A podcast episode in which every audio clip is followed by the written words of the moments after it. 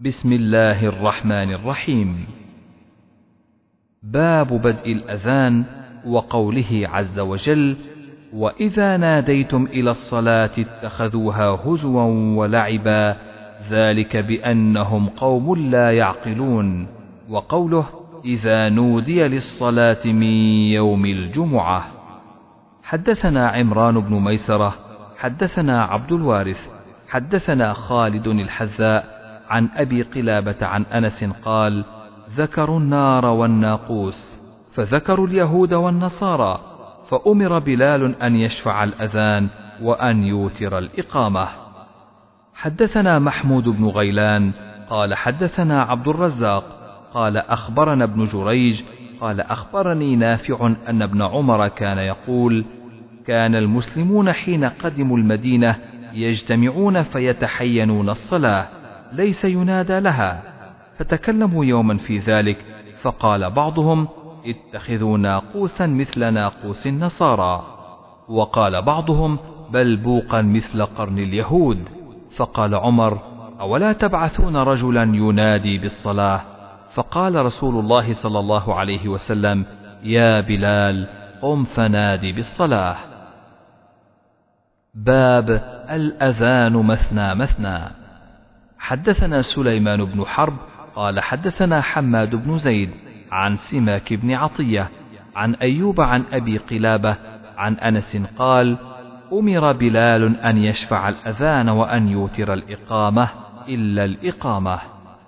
حدثنا محمد قال أخبرنا عبد الوهاب قال أخبرنا خالد الحذاء عن أبي قلابة عن أنس بن مالك قال لما كثر الناس قال ذكروا أن يعلموا وقت الصلاة بشيء يعرفونه فذكروا أن يوروا نارا أو يضربوا ناقوسا فأمر بلال أن يشفع الأذان وأن يوتر الإقامة.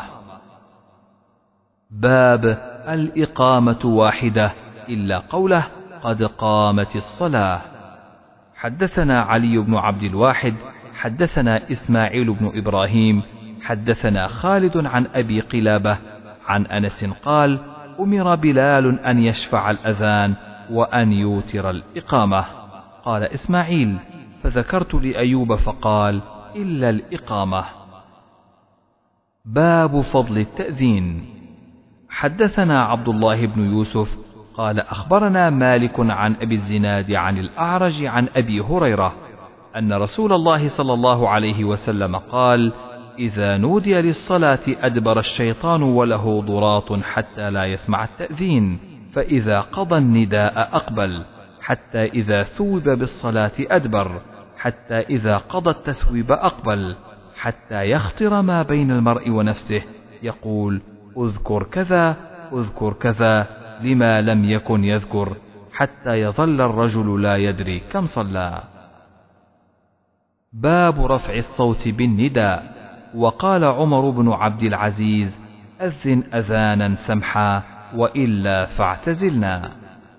حدثنا عبد الله بن يوسف قال أخبرنا مالك عن عبد الرحمن بن عبد الله بن عبد الرحمن بن أبي صعصعة الأنصاري ثم المازني عن أبيه أنه أخبره أن أبا سعيد الخدري قال له إني أراك تحب الغنم والبادية فإذا كنت في غنمك أو باديتك فأذنت بالصلاة فارفع صوتك بالنداء فإنه لا يسمع مدى صوت المؤذن جن ولا إنس ولا شيء إلا شهد له يوم القيامة.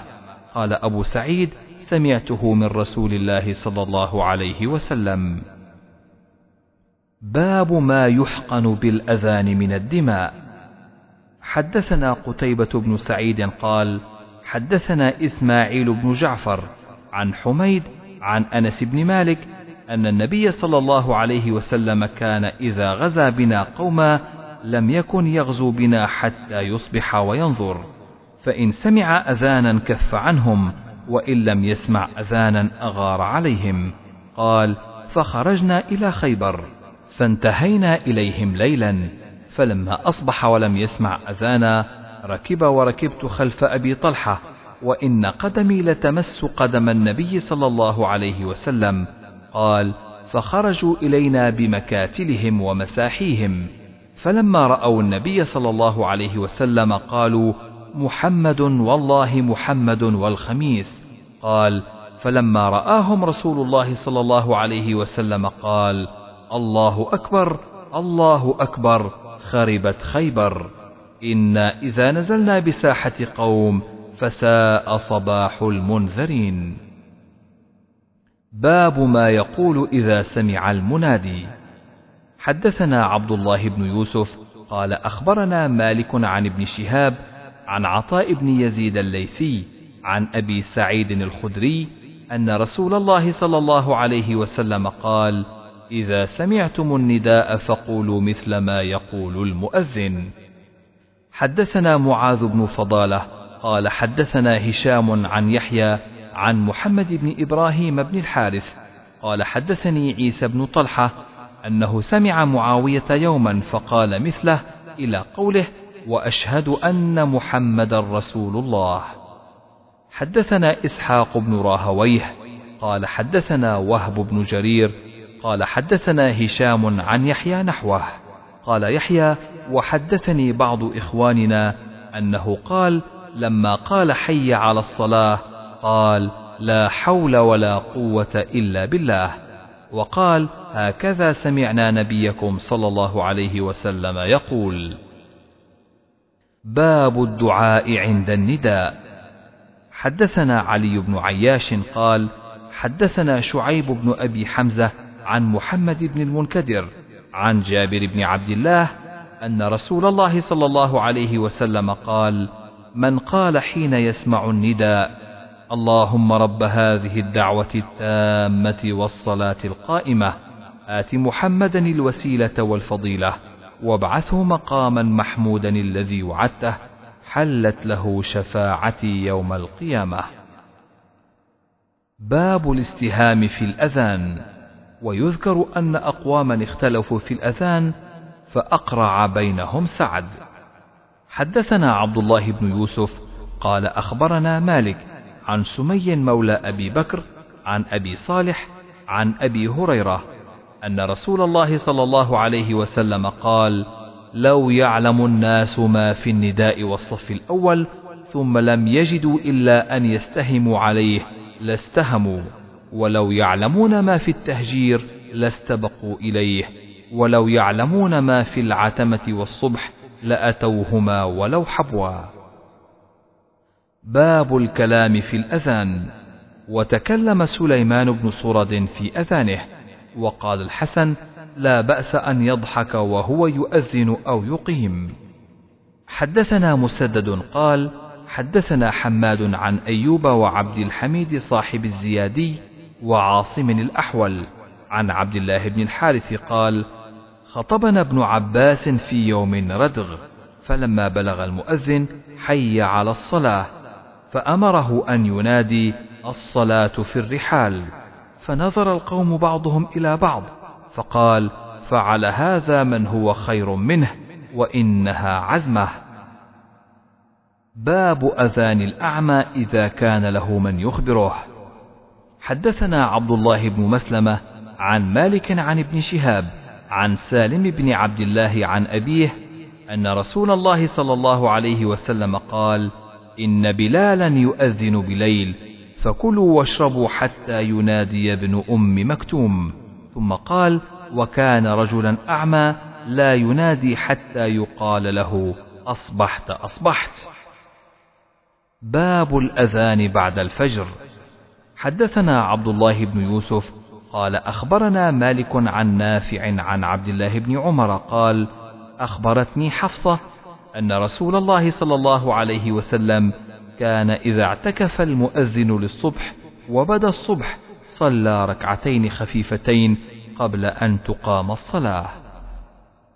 حدثنا أبو نعيم قال: حدثنا شيبان عن يحيى عن أبي سلمة عن عائشة: كان النبي صلى الله عليه وسلم يصلي ركعتين خفيفتين بين النداء والإقامة من صلاة الصبح.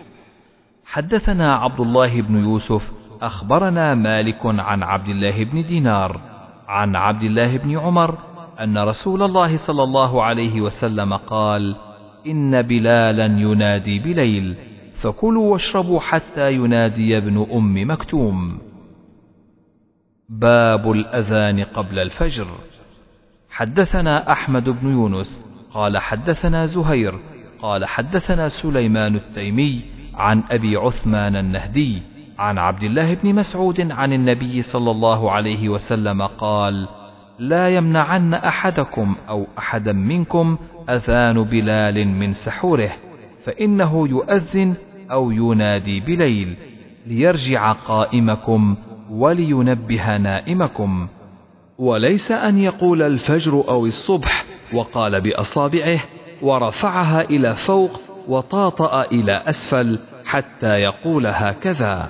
وقال زهير بسبابتيه إحداهما فوق الأخرى ثم مدها عن يمينه وشماله.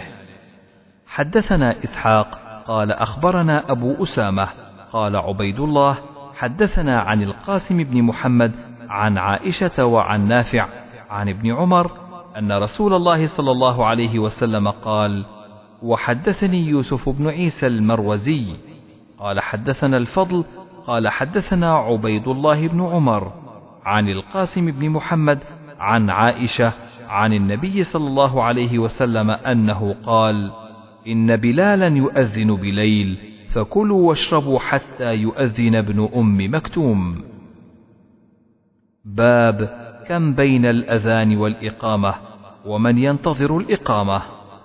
حدثنا إسحاق الواسطي قال حدثنا خالد عن الجريري عن ابن بريدة عن عبد الله بن مغفل المزني أن رسول الله صلى الله عليه وسلم قال بين كل أذانين صلاة ثلاثا لمن شاء. حدثنا محمد بن بشار قال حدثنا غندر قال حدثنا شعبة قال سمعت عمرو بن عامر الأنصاري عن أنس بن مالك قال كان المؤذن إذا أذن قام ناس من أصحاب النبي صلى الله عليه وسلم يبتدرون السواري حتى يخرج إليهم النبي صلى الله عليه وسلم وهم كذلك يصلون الركعتين قبل المغرب ولم يكن بين الأذان والإقامة شيء. قال عثمان بن جبلة وأبو داود عن شعبة لم يكن بينهما إلا قليل. باب من انتظر الإقامة. حدثنا أبو اليمان قال أخبرنا شعيب عن الزهري قال أخبرني عروة بن الزبير أن عائشة قالت كان رسول الله صلى الله عليه وسلم إذا سكت المؤذن بالأولى من صلاة الفجر قام فركع ركعتين خفيفتين قبل صلاة الفجر بعد أن يستبين الفجر ثم اضطجع على شقه الأيمن حتى يأتيه المؤذن للإقامة. باب بين كل أذانين صلاة لمن شاء. حدثنا عبد الله بن يزيد قال حدثنا كهمس بن الحسن عن عبد الله بن بريدة عن عبد الله بن مغفل قال قال النبي صلى الله عليه وسلم بين كل أذانين صلاة بين كل أذانين صلاة. ثم قال في الثالثة لمن شاء. باب من قال ليؤذن في السفر مؤذن واحد. حدثنا معل بن أسد قال حدثنا وهيب عن أيوب عن أبي قلابة عن مالك بن الحويرث أتيت النبي صلى الله عليه وسلم في نفر من قومي فأقمنا عنده عشرين ليلة وكان رحيما رفيقا. فلما رأى شوقنا إلى أهالينا قال ارجعوا فكونوا فيهم وعلموهم وصلوا فإذا حضرت الصلاة فليؤذن لكم أحدكم وليؤمكم أكبركم. باب الأذان للمسافر إذا كانوا جماعة والإقامة وكذلك بعرفة وجمع وقول المؤذن الصلاة في الرحال في الليلة الباردة أو المطيرة. حدثنا مسلم بن إبراهيم قال حدثنا شعبة عن المهاجر أبي الحسن عن زيد بن وهب عن أبي ذر قال كنا مع النبي صلى الله عليه وسلم في سفر فأراد المؤذن أن يؤذن فقال له أبرد ثم أراد أن يؤذن فقال له أبرد ثم أراد أن يؤذن فقال له أبرد حتى ساوى الظل التلول. فقال النبي صلى الله عليه وسلم إن شدة الحر من فيح جهنم. حدثنا محمد بن يوسف قال حدثنا سفيان عن خالد الحذاء عن أبي قلابة عن مالك بن الحويرث قال أتى رجلان النبي صلى الله عليه وسلم يريدان السفر. فقال النبي صلى الله عليه وسلم إذا أنتما خرجتما فأذنا ثم أقيما ثم ليؤمكما أكبركما.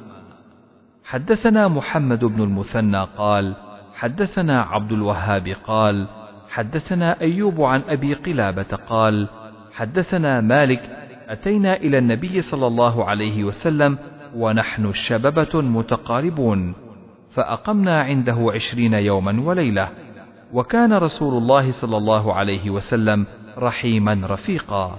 فلما ظن أنا قد اشتهينا أهلنا أو قد اشتقنا سألنا عمن تركنا بعدنا فأخبرناه.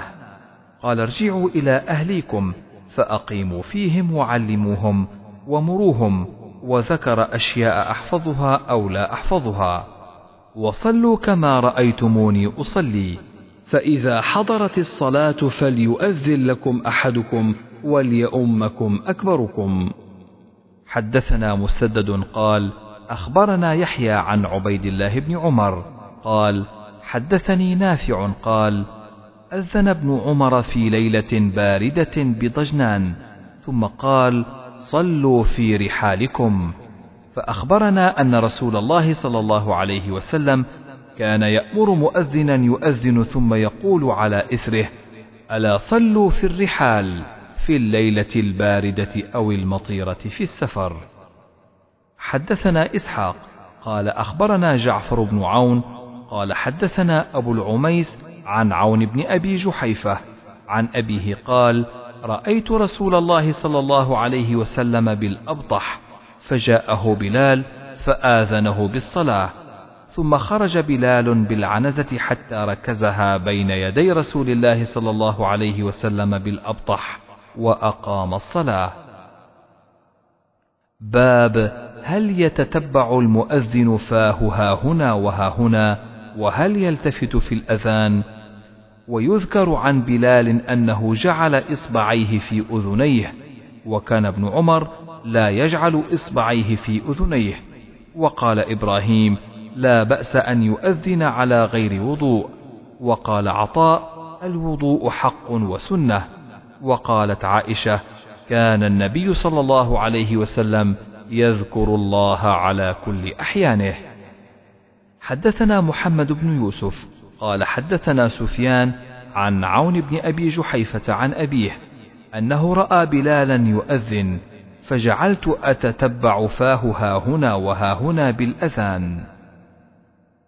باب قول الرجل فاتتنا الصلاة وكره ابن سيرين أن يقول فاتتنا الصلاة ولكن ليقل لم ندرك وقول النبي صلى الله عليه وسلم أصح. حدثنا أبو نعيم قال حدثنا شيبان عن يحيى عن عبد الله بن أبي قتادة عن أبيه قال بينما نحن نصلي مع النبي صلى الله عليه وسلم إذ سمع جلبة رجال فلما صلى قال ما شأنكم؟ قالوا استعجلنا إلى الصلاة. قال فلا تفعلوا. إذا أتيتم الصلاة فعليكم بالسكينة فما أدركتم فصلوا وما فاتكم فأتموا. باب لا يسعى إلى الصلاة وليأتي بالسكينة والوقار. وقال ما أدركتم فصلوا وما فاتكم فأتموا. قاله أبو قتادة عن النبي صلى الله عليه وسلم. حدثنا آدم قال حدثنا ابن أبي ذئب قال حدثنا الزهري عن سعيد بن المسيب عن أبي هريرة عن النبي صلى الله عليه وسلم وعن الزهري عن أبي سلمة عن أبي هريرة عن النبي صلى الله عليه وسلم قال إذا سمعتم الإقامة فامشوا إلى الصلاة وعليكم بالسكينة والوقار ولا تسرعوا فما أدركتم فصلوا وما فاتكم فأتموا. باب متى يقوم الناس إذا رأوا الإمام عند الإقامة. حدثنا مسلم بن إبراهيم قال حدثنا هشام قال كتب إلي يحيى عن عبد الله بن أبي قتادة عن أبيه قال قال رسول الله صلى الله عليه وسلم إذا أقيمت الصلاة فلا تقوموا حتى تروني. باب لا يسعى إلى الصلاة مستعجلا. وليقم بالسكينة والوقار. حدثنا أبو نعيم قال حدثنا شيبان عن يحيى عن عبد الله بن أبي قتادة عن أبيه قال قال رسول الله صلى الله عليه وسلم إذا أقيمت الصلاة فلا تقوموا حتى تروني وعليكم بالسكينة. باب هل يخرج من المسجد لعلة؟ حدثنا عبد العزيز بن عبد الله قال حدثنا إبراهيم بن سعد عن صالح بن كيسان عن ابن شهاب عن أبي سلمة عن أبي هريرة أن رسول الله صلى الله عليه وسلم خرج وقد أقيمت الصلاة وعدلت الصفوف حتى إذا قام في مصلاه انتظرنا أن يكبر انصرف. قال على مكانكم فمكثنا على هيئتنا حتى خرج إلينا ينطف رأسه ماء. وقد اغتسل. باب إذا قال الإمام مكانكم حتى رجع انتظروه حدثنا إسحاق قال حدثنا محمد بن يوسف قال حدثنا الأوزاعي عن الزهري عن أبي سلمة بن عبد الرحمن عن أبي هريرة قال أقيمت الصلاة فسوى الناس صفوفهم فخرج رسول الله صلى الله عليه وسلم فتقدم وهو جنب. ثم قال على مكانكم فرجع فاغتسل ثم خرج ورأسه يقطر ماء فصلى بهم. باب قول الرجل ما صلينا.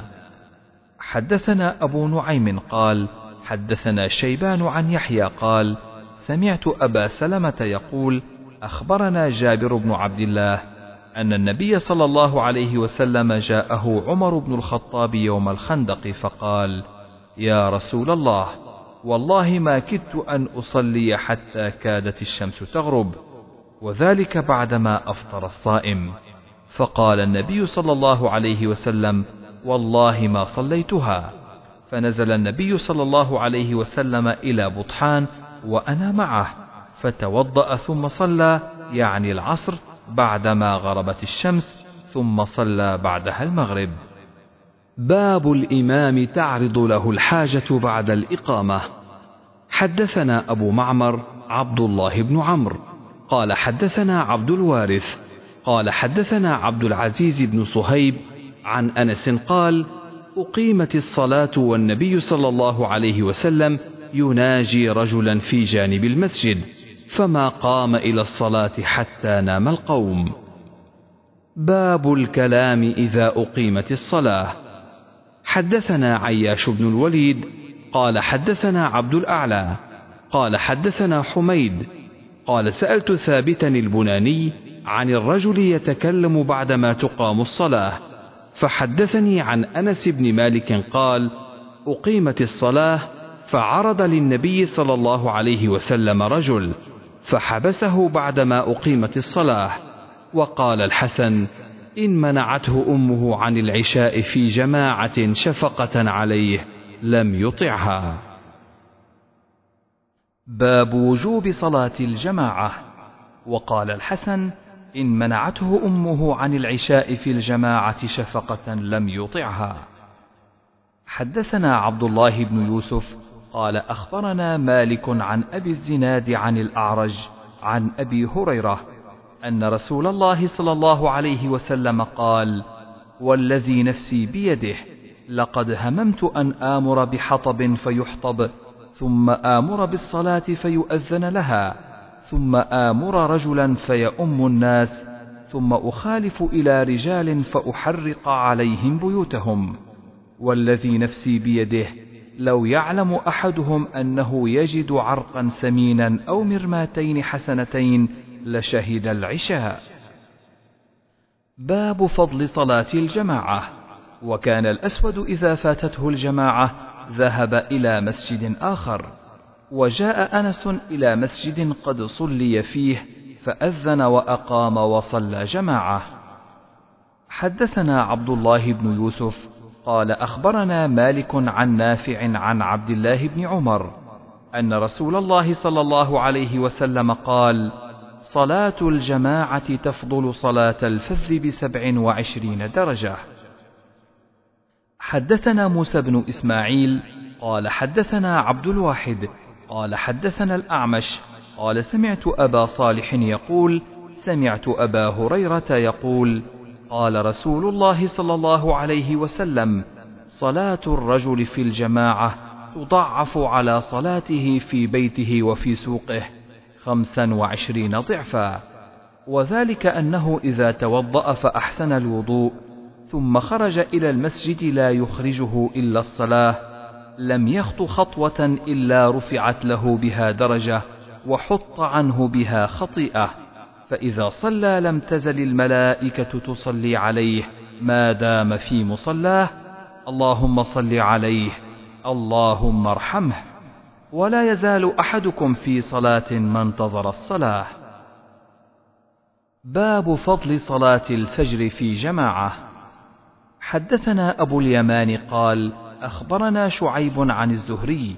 قال أخبرني سعيد بن المسيب وأبو سلمة بن عبد الرحمن أن أبا هريرة قال سمعت رسول الله صلى الله عليه وسلم يقول تفضل صلاة الجميع صلاة أحدكم وحده بخمس وعشرين جزءا. وتجتمع ملائكة الليل وملائكة النهار في صلاة الفجر. ثم يقول أبو هريرة فقرأوا إن شئتم. إن قرآن الفجر كان مشهودا. قال شعيب وحدثني نافع عن عبد الله بن عمر. قال تفضلها بسبع وعشرين درجة. حدثنا عمر بن حفص قال حدثنا أبي قال حدثنا الأعمش قال سمعت سالما قال سمعت أم الدرداء تقول دخل علي أبو الدرداء وهو مغضب فقلت ما أغضبك؟ فقال والله ما أعرف من أمة محمد صلى الله عليه وسلم شيئا إلا أنهم يصلون جميعا. حدثنا محمد بن العلاء قال حدثنا أبو أسامة عن بريد بن عبد الله عن أبي بردة عن أبي موسى. قال قال النبي صلى الله عليه وسلم أعظم الناس أجرا في الصلاة أبعدهم فأبعدهم ممشى. والذي ينتظر الصلاة حتى يصليها مع الإمام أعظم أجرا من الذي يصلي ثم ينام. باب فضل التهجير إلى الظهر. حدثنا قتيبة عن مالك عن سمي مولى أبي بكر عن أبي صالح السمان عن أبي هريرة أن رسول الله صلى الله عليه وسلم قال بينما رجل يمشي بطريق وجد غصن شوك على الطريق فأخره فشكر الله له فغفر له. ثم قال الشهداء خمسة المطعون والمبطون والغريق وصاحب الهدم والشهيد في سبيل الله. وقال لو يعلم الناس ما في النداء والصف الأول ثم لم يجدوا إلا أن يستهموا لاستهموا عليه. ولو يعلمون ما في التهجير لاستبقوا إليه. ولو يعلمون ما في العتمة والصبح لأتوهما ولو حبوا. باب احتساب الآثار. حدثنا محمد بن عبد الله بن حوشب قال حدثنا عبد الوهاب قال حدثنا حميد عن أنس قال قال النبي صلى الله عليه وسلم يا بني سلمة ألا تحتسبون آثاركم؟ وقال مجاهد في قوله ونكتب ما قدموا وآثارهم قال خطاهم. وقال ابن أبي مريم أخبرنا يحيى بن أيوب حدثني حميد حدثني أنس أن بني سلمة أرادوا أن يتحولوا عن منازلهم فينزلوا قريبا من النبي صلى الله عليه وسلم. قال فكره رسول الله صلى الله عليه وسلم أن يعروا. فقال ألا تحتسبون آثاركم؟ قال مجاهد خطاهم آثارهم أن يمشى في الأرض بأرجلهم. باب فضل العشاء في الجماعة. حدثنا عمر بن حفص. قال حدثنا أبي قال حدثنا الأعمش قال حدثني أبو صالح عن أبي هريرة قال قال النبي صلى الله عليه وسلم ليس صلاة أثقل على المنافقين من الفجر والعشاء ولو يعلمون ما فيهما لأتوهما ولو حبوا. لقد هممت أن آمر المؤذن فيقيم ثم آمر رجلا يؤم الناس. ثم آخذ شعلا من نار فأحرق على من لا يخرج إلى الصلاة بعد. باب اثنان فما فوقهما جماعة. حدثنا مسدد. قال حدثنا يزيد بن زريع. قال حدثنا خالد عن أبي قلابة عن مالك بن الحويرث عن النبي صلى الله عليه وسلم قال إذا حضرت الصلاة فأذنا وأقيما ثم ليؤمكما أكبركما. باب من جلس في المسجد ينتظر الصلاة وفضل المساجد. حدثنا عبد الله بن مسلمة عن مالك عن أبي الزناد عن الأعرج عن أبي هريرة أن رسول الله صلى الله عليه وسلم قال الملائكة تصلي على أحدكم ما دام في مصلاه ما لم يحدث. اللهم اغفر له. اللهم ارحمه. لا يزال أحدكم في صلاة ما دامت الصلاة تحبسه. لا يمنعه أن ينقلب إلى أهله إلا الصلاة. حدثنا محمد بن بشار قال حدثنا يحيى عن عبيد الله. قال حدثني خبيب بن عبد الرحمن عن حفص بن عاصم عن أبي هريرة عن النبي صلى الله عليه وسلم قال سبعة يظلهم الله في ظله يوم لا ظل إلا ظله الإمام العادل وشاب نشأ في عبادة ربه ورجل قلبه معلق في المساجد ورجلان تحابا في الله اجتمعا عليه وتفرقا عليه ورجل طلبته امرأة ذات منصب وجمال فقال إني أخاف الله. ورجل تصدق أخفى حتى لا تعلم شماله ما تنفق يمينه. ورجل ذكر الله خاليا ففاضت عيناه. حدثنا قتيبة قال حدثنا إسماعيل بن جعفر عن حميد قال سئل أنس هل اتخذ رسول الله صلى الله عليه وسلم خاتما؟ فقال نعم أخر ليلة صلاة العشاء إلى شطر الليل ثم أقبل علينا بوجهه بعدما صلى فقال صلى الناس ورقدوا. ولم تزالوا في صلاة منذ انتظرتموها. قال فكأني أنظر إلى وبيص خاتمه. باب فضل من غدا إلى المسجد ومن راح. حدثنا علي بن عبد الله. قال حدثنا يزيد بن هارون. قال أخبرنا محمد بن مطرف عن زيد بن أسلم عن عطاء بن يسار عن أبي هريرة عن النبي صلى الله عليه وسلم قال من غدا إلى المسجد وراح أعد الله له نزله من الجنة كلما غدا أو راح. باب إذا أقيمت الصلاة فلا صلاة إلا المكتوبة.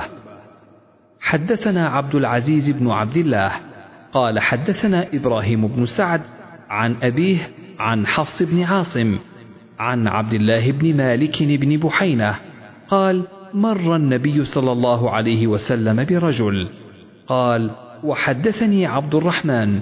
قال حدثنا بهز بن أسد. قال حدثنا شعبة. قال أخبرني سعد بن إبراهيم. قال سمعت حفص بن عاصم.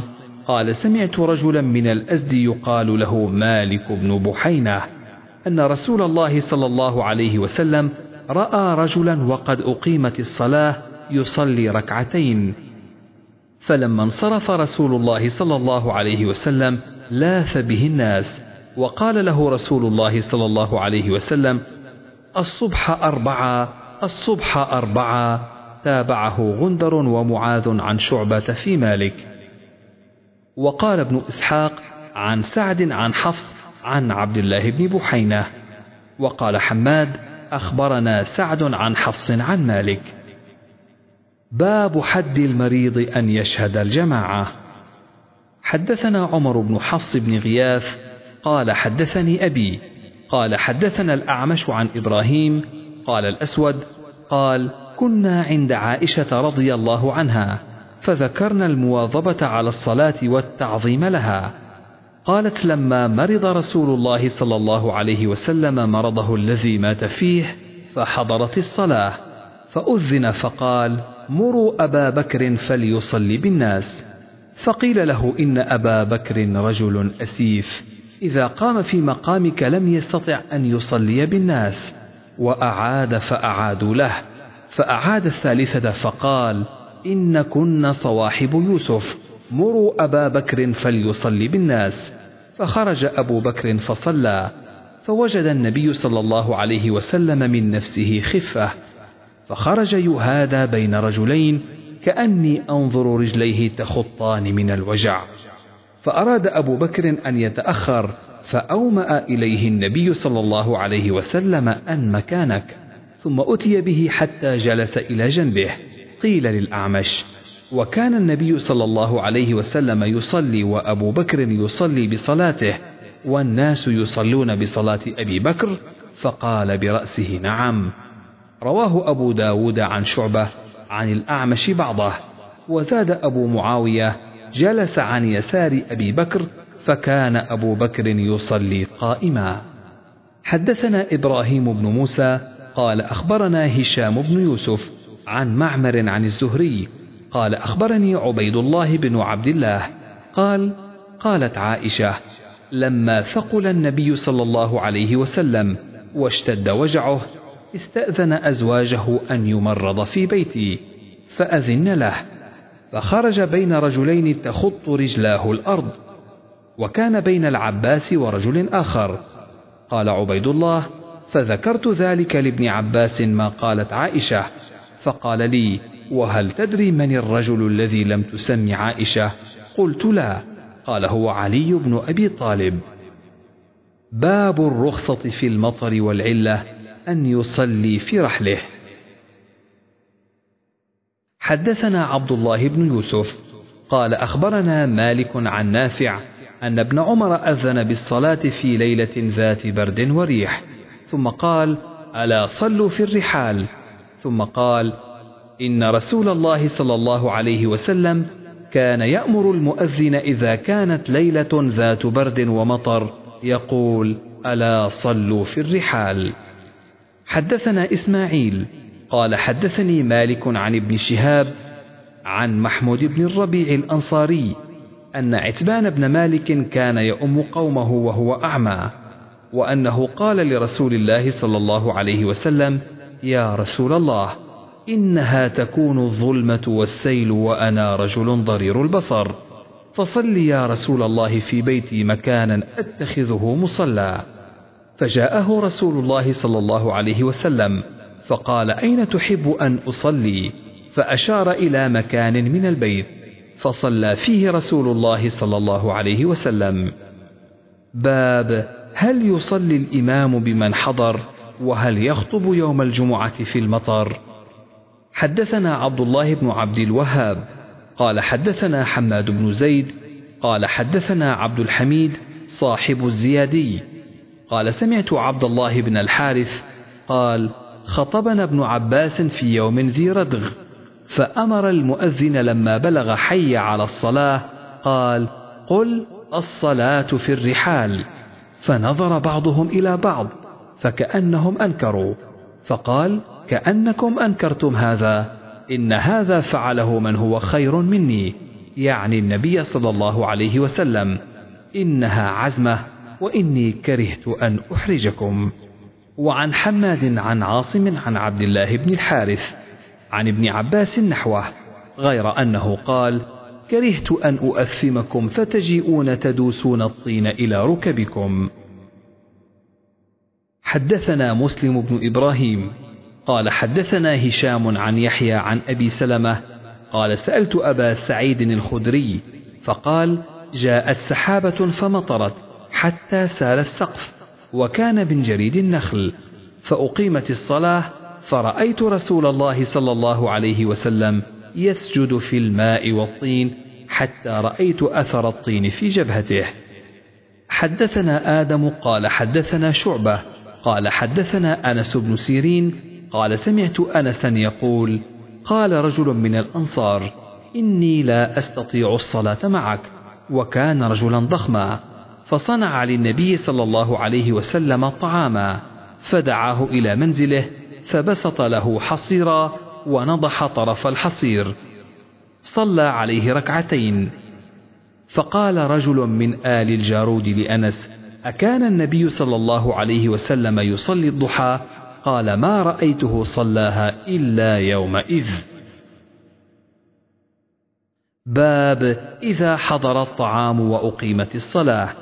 وكان ابن عمر يبدأ بالعشاء وقال أبو الدرداء من فقه المرء إقباله على حاجته حتى يقبل على صلاته وقلبه فارغ. حدثنا مسدد قال حدثنا يحيى عن هشام قال حدثني أبي قال سمعت عائشة عن النبي صلى الله عليه وسلم أنه قال إذا وضع العشاء وأقيمت الصلاة فابدأوا بالعشاء.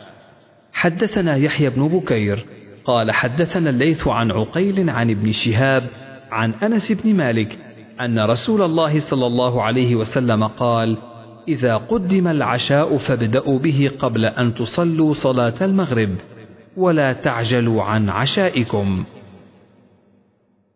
حدثنا عبيد بن إسماعيل عن أبي أسامة عن عبيد الله عن نافع عن ابن عمر قال قال رسول الله صلى الله عليه وسلم إذا وضع عشاء أحدكم وأقيمت الصلاة فابدأوا بالعشاء ولا يعجل حتى يفرغ منه. وكان ابن عمر يوضع له الطعام وتقام الصلاة فلا يأتيها حتى يفرغ وإنه ليسمع قراءة الإمام.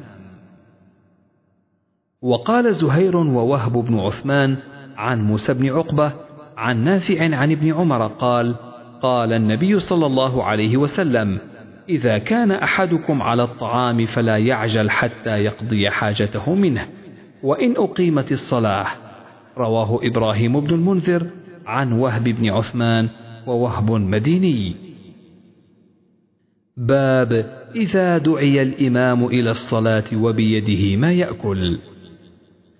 حدثنا عبد العزيز بن عبد الله قال حدثنا إبراهيم عن صالح عن ابن شهاب قال أخبرني جعفر بن عمرو بن أمية أن أباه قال رأيت رسول الله صلى الله عليه وسلم يأكل ذراعا يحتز منها فدعي إلى الصلاة فقام فطرح السكين فصلى ولم يتوضأ.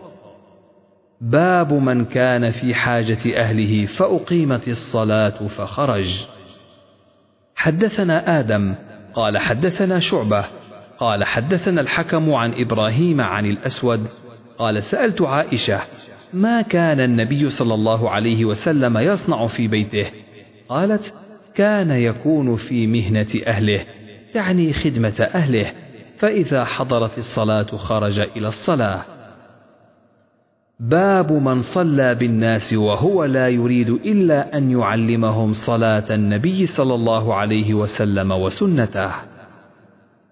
حدثنا موسى بن إسماعيل قال حدثنا وهيب قال حدثنا أيوب عن أبي قلابة قال جاءنا مالك بن الحويرث في مسجدنا هذا فقال إني لأصلي بكم وما أريد الصلاة.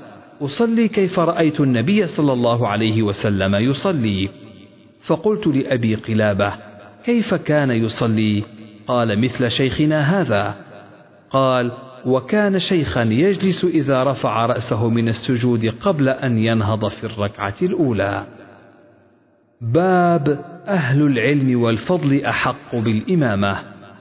حدثنا إسحاق بن نصر قال حدثنا حسين عن زائدة عن عبد الملك بن عمير. قال حدثني أبو بردة عن أبي موسى. قال مرض النبي صلى الله عليه وسلم فاشتد مرضه. فقال مروا أبا بكر فليصلي بالناس. قالت عائشة إنه رجل رقيق. إذا قام مقامك لم يستطع أن يصلي بالناس. قال مروا أبا بكر فليصلي بالناس. فعادت فقال مري أبا بكر فليصلي بالناس فإنكن صواحب يوسف. فأتاه الرسول فصلى بالناس في حياة النبي صلى الله عليه وسلم. حدثنا عبد الله بن يوسف قال أخبرنا مالك عن هشام بن عروة عن أبيه عن عائشة أم المؤمنين رضي الله عنها أنها قالت إن رسول الله صلى الله عليه وسلم قال في مرضه مروا أبا بكر يصلي بالناس. قالت عائشة قلت إن أبا بكر إذا قام في مقامك لم يسمع الناس من البكاء. فمر عمر فليصلي للناس. فقالت عائشة فقلت لحفصة قولي له إن أبا بكر إذا قام في مقامك لم يسمع الناس من البكاء. فمر عمر فليصلي للناس. ففعلت حفصة فقال رسول الله صلى الله عليه وسلم مه إن كن لأنتن صواحب يوسف. مروا أبا بكر فليصلي للناس. فقالت حفصة لعائشة ما كنت لأصيب منك خيرا. حدثنا أبو اليمان قال أخبرنا شعيب عن الزهري قال أخبرني أنس بن مالك الأنصاري وكان تبع النبي صلى الله عليه وسلم وخدمه وصحبه. أن أبا بكر كان يصلي لهم في وجع النبي صلى الله عليه وسلم الذي توفي فيه حتى إذا كان يوم الاثنين وهم صفوف في الصلاة فكشف النبي صلى الله عليه وسلم الستر الحجرة ينظر إلينا وهو قائم كأن وجهه ورقة مصحف ثم تبسم يضحك فهممنا أن نفتتن من الفرح برؤية النبي صلى الله عليه وسلم. فنكص أبو بكر على عقبيه ليصل الصف وظن أن النبي صلى الله عليه وسلم خارج إلى الصلاة فأشار إلينا النبي صلى الله عليه وسلم أن أتموا صلاتكم وأرخى الستر فتوفي من يومه. حدثنا أبو معمر قال حدثنا عبد الوارث قال حدثنا عبد العزيز عن أنس قال لم يخرج النبي صلى الله عليه وسلم ثلاثا فأقيمت الصلاة فذهب أبو بكر يتقدم فقال نبي الله صلى الله عليه وسلم بالحجاب فرفعه فلما وضح وجه النبي صلى الله عليه وسلم ما نظرنا منظرا كان أعجب إلينا من وجه النبي صلى الله عليه وسلم حين وضح لنا. فأومأ النبي صلى الله عليه وسلم بيده إلى أبي بكر أن يتقدم وأرخى النبي صلى الله عليه وسلم الحجاب فلم يقدر عليه حتى مات. حدثنا يحيى بن سليمان قال حدثنا ابن وهب قال حدثني يونس عن ابن شهاب عن حمزة بن عبد الله أنه أخبره عن أبيه قال لما اشتد برسول الله صلى الله عليه وسلم وجعه قيل له في الصلاة فقال مروا أبا بكر فليصلي بالناس. قالت عائشة إن أبا بكر رجل رقيق إذا قرأ غلبه البكاء. قال مروه فيصلي. فعاودته قال مروه فيصلي إن كن صواحب يوسف. تابعه الزبيدي وابن أخي الزهري وإسحاق بن يحيى الكلبي عن الزهري وقال عقيل ومعمر عن الزهري عن حمزة عن النبي صلى الله عليه وسلم. باب من قام إلى جنب الإمام لعلة. حدثنا زكريا بن يحيى. قال حدثنا ابن نمير. قال أخبرنا هشام بن عروة عن أبيه عن عائشة. قالت أمر رسول الله صلى الله عليه وسلم أبا بكر أن يصلي بالناس في مرضه فكان يصلي بهم. قال عروة فوجد رسول الله صلى الله عليه وسلم في نفسه خفة. فخرج فإذا أبو بكر يؤم الناس فلما رآه أبو بكر استأخر فأشار إليه أن كما أنت. فجلس رسول الله صلى الله عليه وسلم حذاء أبي بكر إلى جنبه. فكان أبو بكر يصلي بصلاة رسول الله صلى الله عليه وسلم والناس يصلون بصلاة أبي بكر. باب من دخل ليؤم الناس فجاء الإمام الأول فتأخر الأول أو لم يتأخر جازت صلاته. فيه عائشة عن النبي صلى الله عليه وسلم. حدثنا عبد الله بن يوسف قال أخبرنا مالك عن أبي حازم بن دينار عن سهل بن سعد الساعدي أن رسول الله صلى الله عليه وسلم ذهب إلى بني عمرو بن عوف ليصلح بينهم. فحانت الصلاة. فجاء المؤذن إلى أبي بكر فقال أتصلي للناس فأقيم؟ قال نعم. فصلى أبو بكر. فجاء رسول الله صلى الله عليه وسلم والناس في الصلاة. فتخلص حتى وقف في الصف فصفق الناس. وكان أبو بكر لا يلتفت في صلاته. فلما أكثر الناس التصفيق التفت. فرأى رسول الله صلى الله عليه وسلم فأشار إليه رسول الله صلى الله عليه وسلم أن امكث مكانك.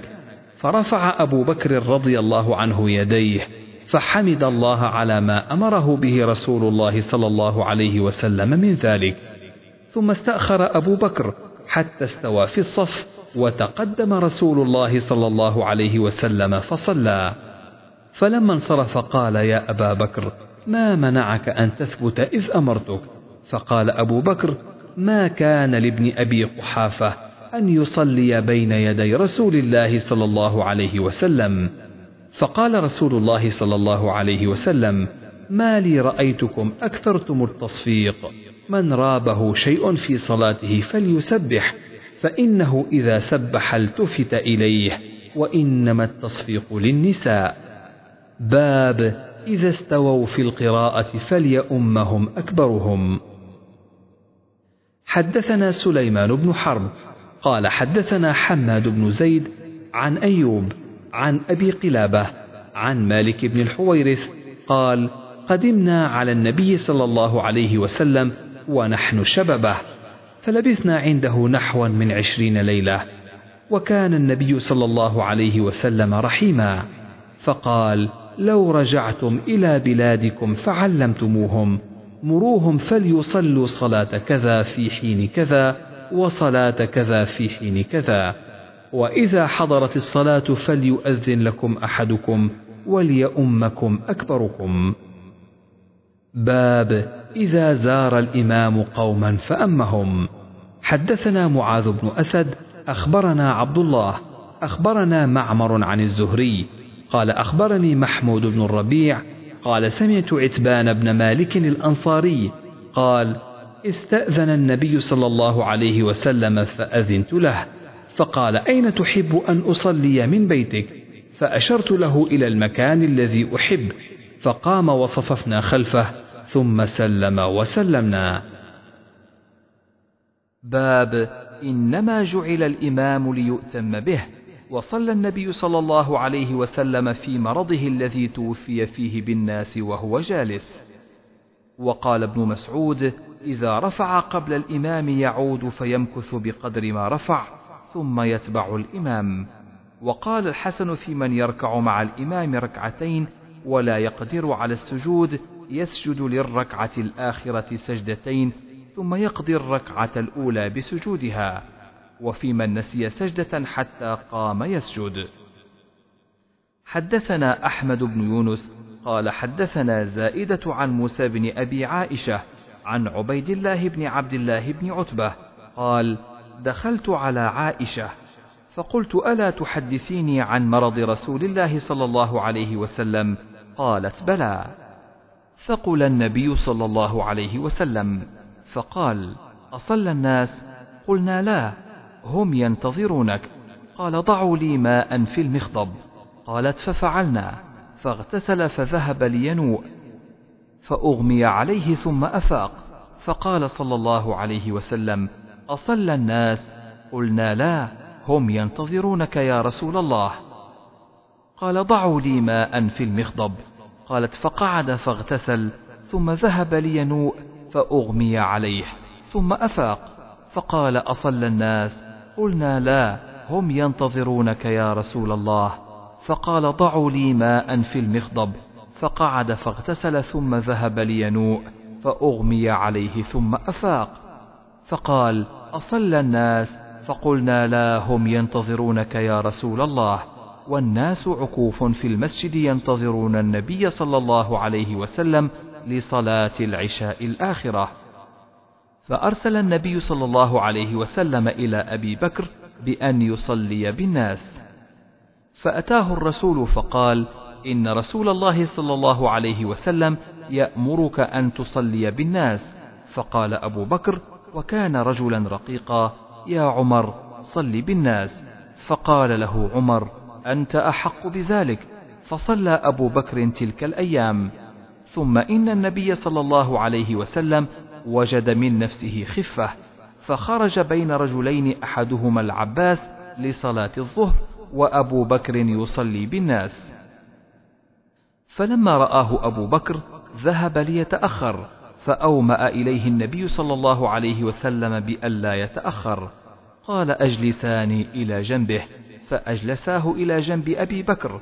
قال فجعل أبو بكر يصلي وهو يأتم بصلاة النبي صلى الله عليه وسلم والناس بصلاة أبي بكر والنبي صلى الله عليه وسلم قاعد.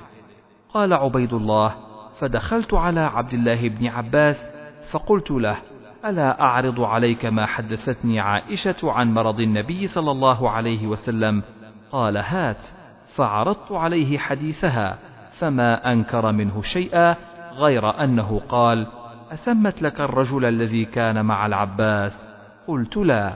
قال هو علي. حدثنا عبد الله بن يوسف قال أخبرنا مالك عن هشام بن عروة عن أبيه عن عائشة أم المؤمنين أنها قالت صلى رسول الله صلى الله عليه وسلم في بيته وهو شاك فصلى جالسا وصلى وراءه قوم قياما. فأشار إليهم أن اجلسوا. فلما انصرف قال إنما جعل الإمام ليؤتم به فإذا ركع فاركعوا وإذا رفع فارفعوا وإذا صلى جالسا فصلوا جلوسا. حدثنا عبد الله بن يوسف قال أخبرنا مالك عن ابن شهاب عن أنس بن مالك أن رسول الله صلى الله عليه وسلم ركب فرسا فصرع عنه فجحش شقه الأيمن. فصلى صلاة من الصلوات وهو قاعد فصلينا وراءه قعودا. فلما انصرف قال إنما جعل الإمام ليؤتم به فإذا صلى قائما فصلوا قياما فإذا ركع فاركعوا وإذا رفع فارفعوا وإذا قال سمع الله لمن حمده فقولوا ربنا ولك الحمد وإذا صلى قائما فصلوا قياما وإذا صلى جالسا فصلوا جلوسا. أجمعون. قال أبو عبد الله قال الحميدي قوله إذا صلى جالسا فصلوا جلوسا هو في مرضه القديم. ثم صلى بعد ذلك النبي صلى الله عليه وسلم جالسا والناس خلفه قياما لم يأمرهم بالقعود. وإنما يؤخذ بالآخر فالآخر من فعل النبي صلى الله عليه وسلم. باب متى يسجد من خلف الإمام. قال أنس فإذا سجد فاسجدوا. حدثنا مسدد قال حدثنا يحيى بن سعيد عن سفيان. قال حدثني أبو إسحاق. قال حدثني عبد الله بن يزيد. قال حدثني البراء وهو غير كذوب. قال كان رسول الله صلى الله عليه وسلم إذا قال سمع الله لمن حمده لم يحن أحد منا ظهره حتى يقع النبي صلى الله عليه وسلم ساجدا ثم نقع سجودا بعده. حدثنا أبو نعيم عن سفيان عن أبي إسحاق نحوه بهذا. باب إثم من رفع رأسه قبل الإمام.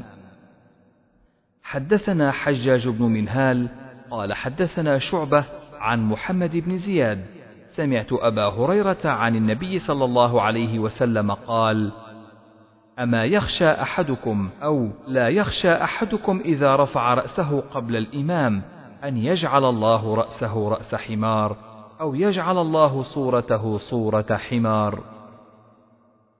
باب إمامة العبد والمولى. وكانت عائشة يؤمها عبدها ذكوان من المصحف. وولد البغي والأعرابي والغلام الذي لم يحتلم لقول النبي صلى الله عليه وسلم يؤمهم أقرأهم لكتاب الله. حدثنا إبراهيم بن المنذر قال حدثنا أنس بن عياض عن عبيد الله عن نافع عن ابن عمر قال لما قدم المهاجرون الأولون العصبة موضع بقباء قبل مقدم رسول الله صلى الله عليه وسلم كان يؤمهم سالم مولى أبي حذيفة وكان أكثرهم قرآنا. حدثنا محمد بن بشار حدثنا يحيى حدثنا شعبة قال حدثني أبو التياح عن أنس عن النبي صلى الله عليه وسلم قال اسمعوا وأطيعوا وإن استعمل حبشي كأن رأسه زبيبة. باب إذا لم يتم الإمام وأتم من خلفه. حدثنا الفضل بن سهل قال حدثنا الحسن بن موسى الأشيب قال حدثنا عبد الرحمن بن عبد الله بن دينار عن زيد بن أسلم عن عطاء بن يسار عن أبي هريرة أن رسول الله صلى الله عليه وسلم قال يصلون لكم فإن أصابوا فلكم وإن أخطأوا فلكم وعليهم. باب إمامة المفتون والمبتدع. وقال الحسن صل وعليه بدعته.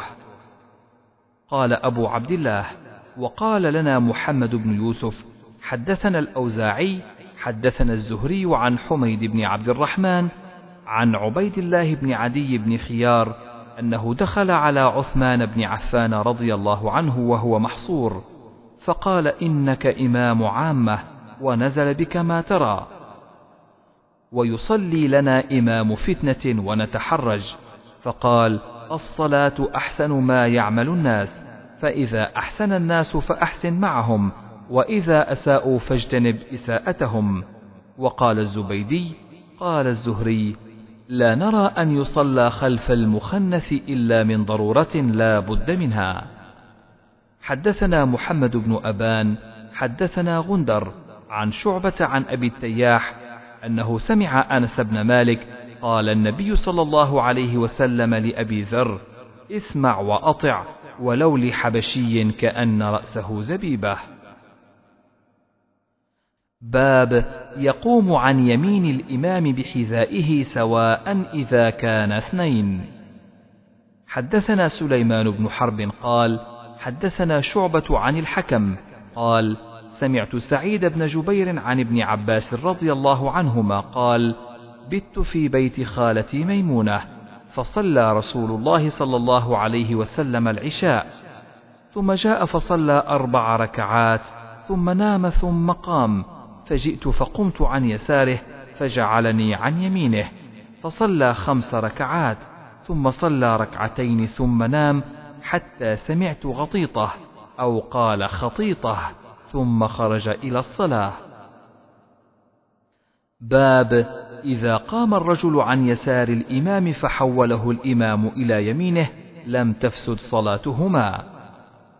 حدثنا أحمد قال حدثنا ابن وهب قال حدثنا عمرو عن عبد ربه بن سعيد عن مخرمة بن سليمان عن كريب مولى بن عباس عن ابن عباس رضي الله عنهما قال نمت عند ميمونة والنبي صلى الله عليه وسلم عندها تلك الليلة فتوضأ ثم قام يصلي فقمت على يساره فأخذني فجعلني عن يمينه فصلى ثلاث عشرة ركعة ثم نام حتى نفخ وكان إذا نام نفخ ثم أتاه المؤذن فخرج فصلى ولم يتوضأ. قال عمرو فحدثت به بكيرا فقال حدثني كريب بذلك. باب إذا لم ينوي الإمام أن يؤم ثم جاء قوم فأمهم. حدثنا مسدد قال حدثنا إسماعيل بن إبراهيم عن أيوب عن عبد الله بن سعيد بن جبير عن أبيه عن ابن عباس قال بت عند خالتي فقام النبي صلى الله عليه وسلم يصلي من الليل فقمت أصلي معه فقمت عن يساره فأخذ برأسي فأقامني عن يمينه. باب إذا طول الإمام وكان للرجل حاجة فخرج فصلى. حدثنا مسلم قال حدثنا شعبة عن عمرو عن جابر بن عبد الله أن معاذ بن جبل كان يصلي مع النبي صلى الله عليه وسلم ثم يرجع فيؤم قومه. وحدثني محمد بن بشار قال حدثنا غندر قال حدثنا شعبة عن عمرو قال سمعت جابر بن عبد الله قال كان معاذ بن جبل يصلي مع النبي صلى الله عليه وسلم ثم يرجع فيؤم قومه فصلى العشاء فقرأ بالبقرة فانصرف الرجل فكأن معاذا تناول منه فبلغ النبي صلى الله عليه وسلم فقال فتان فتان فتان ثلاث مرار. أو قال فاتنا فاتنا فاتن وأمره بسورتين من أوسط المفصل. قال عمرو لا أحفظهما. باب تخفيف الإمام في القيام وإتمام الركوع والسجود. حدثنا أحمد بن يونس قال حدثنا زهير قال حدثنا إسماعيل قال سمعت قيسا قال أخبرني أبو مسعود أن رجلا قال والله يا رسول الله إني لأتأخر عن صلاة الغداة من أجل فلان مما يطيل بنا فما رأيت رسول الله صلى الله عليه وسلم في موعظة أشد غضبا منه يومئذ ثم قال إن منكم منفرين فأيكم ما صلى بالناس فليتجوز فإن فيهم الضعيف والكبير وذا الحاجة. باب إذا صلى لنفسه فليطول ما شاء. حدثنا عبد الله بن يوسف قال أخبرنا مالك عن أبي الزناد عن الأعرج عن أبي هريرة أن رسول الله صلى الله عليه وسلم قال إذا صلى أحدكم للناس فليخفف فإن منهم الضعيف والسقيم والكبير. وإذا صلى أحدكم لنفسه فليطول ما شاء. باب من شكى إمامه إذا طول. وقال أبو أسيد طولت بنا يا بني. حدثنا محمد بن يوسف حدثنا سفيان عن إسماعيل بن أبي خالد عن قيس بن أبي حازم عن أبي مسعود قال قال رجل يا رسول الله إني لأتأخر عن الصلاة في الفجر مما يطيل بنا فلان فيها. فغضب رسول الله صلى الله عليه وسلم. ما رأيته غضب في موضع كان أشد غضبا منه يومئذ. ثم قال يا أيها الناس إن منكم منفرين فمن أما الناس فليتجوز فإن خلفه الضعيف والكبير وذا الحاجة. حدثنا آدم بن أبي إياس قال حدثنا شعبة قال حدثنا محارب بن دثار قال سمعت جابر بن عبد الله الأنصاري قال أقبل رجل بناضحين وقد جنح الليل فوافق معاذا يصلي فترك ناضحه وأقبل إلى معاذ فقرأ بسورة البقرة أو النساء فانطلق الرجل وبلغه أن معاذا نال منه. فأتى النبي صلى الله عليه وسلم فشكى إليه معاذا. فقال النبي صلى الله عليه وسلم يا معاذ أفتان أنت أو أفات ثلاث مرار. فلولا صليت بسبح اسم ربك والشمس وضحاها والليل إذا يغشى فإنه يصلي وراءك الكبير والضعيف وذو الحاجة أحسب في الحديث. قال أبو عبد الله وتابعه سعيد بن مسروق ومسعر والشيباني. قال عمرو وعبيد الله بن مقسم وأبو الزبير عن جابر قرأ معاذ في العشاء بالبقرة وتابعه الأعمش عن محارب. حدثنا أبو معمر قال حدثنا عبد الوارث قال حدثنا عبد العزيز عن أنس قال كان النبي صلى الله عليه وسلم يوجز الصلاة ويكملها. باب من أخف الصلاة عند بكاء الصبي. حدثنا إبراهيم بن موسى قال أخبرنا الوليد قال حدثنا الأوزاعي عن يحيى بن أبي كثير عن عبد الله بن أبي قتادة عن أبيه أبي قتادة عن النبي صلى الله عليه وسلم قال إني لأقوم في الصلاة أريد أن أطول فيها فأسمع بكاء الصبي. فأتجوز في صلاتي كراهية أن أشق على أمه. تابعه بشر بن بكر وابن المبارك وبقية عن الأوزاعي. حدثنا خالد بن مخلد قال حدثنا سليمان بن بلال قال حدثنا شريك بن عبد الله قال سمعت أنس بن مالك يقول ما صليت وراء إمام قط أخف صلاة ولا أتم من النبي صلى الله عليه وسلم. وإن كان ليسمع بكاء الصبي فيخفف مخافة أن تفتن أمه. حدثنا علي بن عبد الله قال حدثنا يزيد بن زريع قال حدثنا سعيد قال حدثنا قتادة أن أنس بن مالك حدثه أن النبي صلى الله عليه وسلم قال: إني لأدخل في الصلاة وأنا أريد إطالتها، فأسمع بكاء الصبي فأتجوز في صلاتي مما أعلم من شدة وجد أمه من بكائه. حدثنا محمد بن بشار قال حدثنا ابن أبي عدي عن سعيد عن قتادة عن أنس بن مالك عن النبي صلى الله عليه وسلم قال إني لأدخل في الصلاة فأريد إطالتها فأسمع بكاء الصبي فأتجوز مما أعلم من شدة وجد أمه من بكائه وقال موسى حدثنا أبان حدثنا قتادة حدثنا أنس عن النبي صلى الله عليه وسلم مثله. باب إذا صلى ثم أم قوما. حدثنا سليمان بن حرب وأبو النعمان قال حدثنا حماد بن زيد عن أيوب عن عمرو بن دينار عن جابر قال كان معاذ يصلي مع النبي صلى الله عليه وسلم ثم يأتي قومه فيصلي بهم. باب من أسمع الناس تكبير الإمام. حدثنا مسدد قال حدثنا عبد الله بن داود قال حدثنا الأعمش عن إبراهيم عن الأسود عن عائشة رضي الله عنها قالت: لما مرض النبي صلى الله عليه وسلم مرضه الذي مات فيه، أتاه يؤذنه بالصلاة، فقال مروا أبا بكر فليصل، قلت إن أبا بكر رجل أسيف، إن يقم مقامك يبكي، فلا يقدر على القراءة، قال مروا أبا بكر فليصل، فقلت مثله، فقال في الثالثة أو الرابعة: إن كن صواحب يوسف. مروا أبا بكر فليصل. فصلى وخرج النبي صلى الله عليه وسلم. يهادى بين رجلين.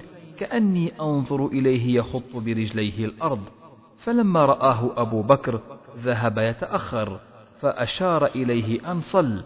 فتأخر أبو بكر رضي الله عنه وقعد النبي صلى الله عليه وسلم إلى جنبه وأبو بكر يسمع الناس التكبير. تابعه محاضر عن الأعمش.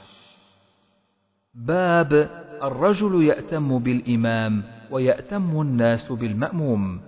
ويذكر عن النبي صلى الله عليه وسلم ائتموا بي وليأتم بكم من بعدكم.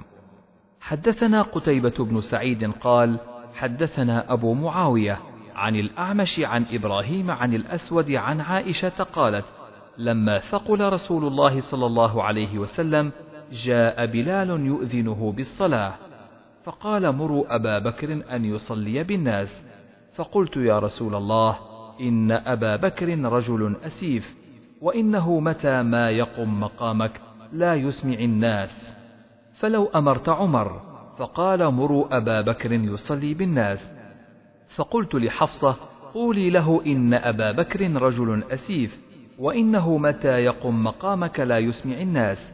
فلو أمرت عمر قال إن كن لأنتن صواحب يوسف مروا أبا بكر أن يصلي بالناس. فلما دخل في الصلاة وجد رسول الله صلى الله عليه وسلم في نفسه خفة فقام يهادى بين رجلين ورجلاه يخطان في الأرض حتى دخل المسجد. فلما سمع أبو بكر حسة ذهب أبو بكر يتأخر فأومأ إليه رسول الله صلى الله عليه وسلم. فجاء رسول الله صلى الله عليه وسلم حتى جلس عن يسار أبي بكر. فكان أبو بكر يصلي قائما وكان رسول الله صلى الله عليه وسلم يصلي قاعدا يقتدي أبو بكر بصلاة رسول الله صلى الله عليه وسلم والناس مقتدون بصلاة أبي بكر رضي الله عنه.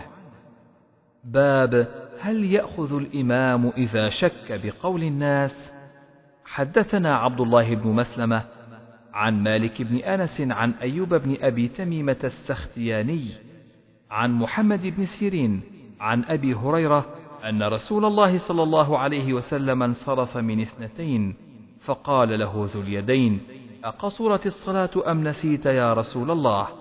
فقال رسول الله صلى الله عليه وسلم أصدق ذو اليدين؟ فقال الناس نعم. فقام رسول الله صلى الله عليه وسلم فصلى اثنتين أخريين ثم سلم ثم كبر فسجد مثل سجوده أو أطول. حدثنا أبو الوليد قال حدثنا شعبة عن سعد بن إبراهيم عن أبي سلمة عن أبي هريرة قال صلى النبي صلى الله عليه وسلم الظهر ركعتين فقيل صليت ركعتين فصلى ركعتين ثم سلم ثم سجد سجدتين. باب إذا بكى الإمام في الصلاة وقال عبد الله بن شداد سمعت نشيج عمر وأنا في آخر الصفوف يقرأ إنما أشكو بثي وحزني إلى الله. حدثنا إسماعيل قال حدثنا مالك بن أنس عن هشام بن عروة عن أبيه عن عائشة أم المؤمنين أن رسول الله صلى الله عليه وسلم قال في مرضه مروا أبا بكر يصلي بالناس. قالت عائشة قلت إن أبا بكر إذا قام في مقامك لم يسمع الناس من البكاء فمر عمر فليصل فقال مروا أبا بكر فليصلي للناس. قالت عائشة لحفصة قولي له إن أبا بكر إذا قام في مقامك لم يسمع الناس من البكاء فمر عمر فليصلي للناس. ففعلت حفصة فقال رسول الله صلى الله عليه وسلم مه! إن كن لأنتن صواحب يوسف. مروا أبا بكر فليصلي للناس. قالت حفصة لعائشة ما كنت لأصيب منك خيرا. باب تسوية الصفوف عند الإقامة وبعدها. حدثنا أبو الوليد هشام بن عبد الملك. قال حدثنا شعبة. قال أخبرني عمرو بن مرة. قال سمعت سالم بن أبي الجعد. قال سمعت النعمان بن بشير يقول قال النبي صلى الله عليه وسلم لتسون صفوفكم أو ليخالفن الله بين وجوهكم. حدثنا أبو معمر قال حدثنا عبد الوارث عن عبد العزيز عن أنس أن النبي صلى الله عليه وسلم قال أقيموا الصفوف فإني أراكم خلف ظهري. باب إقبال الإمام على الناس عند تسوية الصفوف. حدثنا أحمد بن أبي رجاء قال حدثنا معاوية بن عمرو قال حدثنا زائدة بن قدامة قال حدثنا حميد الطويل حدثنا أنس قال أقيمت الصلاة فأقبل علينا رسول الله صلى الله عليه وسلم بوجهه فقال أقيموا صفوفكم وتراصوا فإني أراكم من وراء ظهري. باب الصف الأول حدثنا أبو عاصم عن مالك عن سمي عن أبي صالح عن أبي هريرة قال: قال النبي صلى الله عليه وسلم: الشهداء الغرق والمطعون والمبطون والهدم. وقال: ولو يعلمون ما في التهجير لاستبقوا ولو يعلمون ما في العتمة والصبح لأتوهما ولو حبوا ولو يعلمون ما في الصف المقدم لاستهموا باب إقامة الصف من تمام الصلاة. حدثنا عبد الله بن محمد قال حدثنا عبد الرزاق قال أخبرنا معمر عن همام عن أبي هريرة عن النبي صلى الله عليه وسلم أنه قال إنما جعل الإمام ليؤتم به فلا تختلفوا عليه فإذا ركع فاركعوا وإذا قال سمع الله لمن حمده فقولوا ربنا لك الحمد. وإذا سجد فاسجدوا وإذا صلى جالسا فصلوا جلوسا أجمعون وأقيموا الصف في الصلاة فإن إقامة الصف من حسن الصلاة حدثنا أبو الوليد قال حدثنا شعبة عن قتادة عن أنس عن النبي صلى الله عليه وسلم قال: سووا صفوفكم فإن تسوية الصفوف من إقامة الصلاة.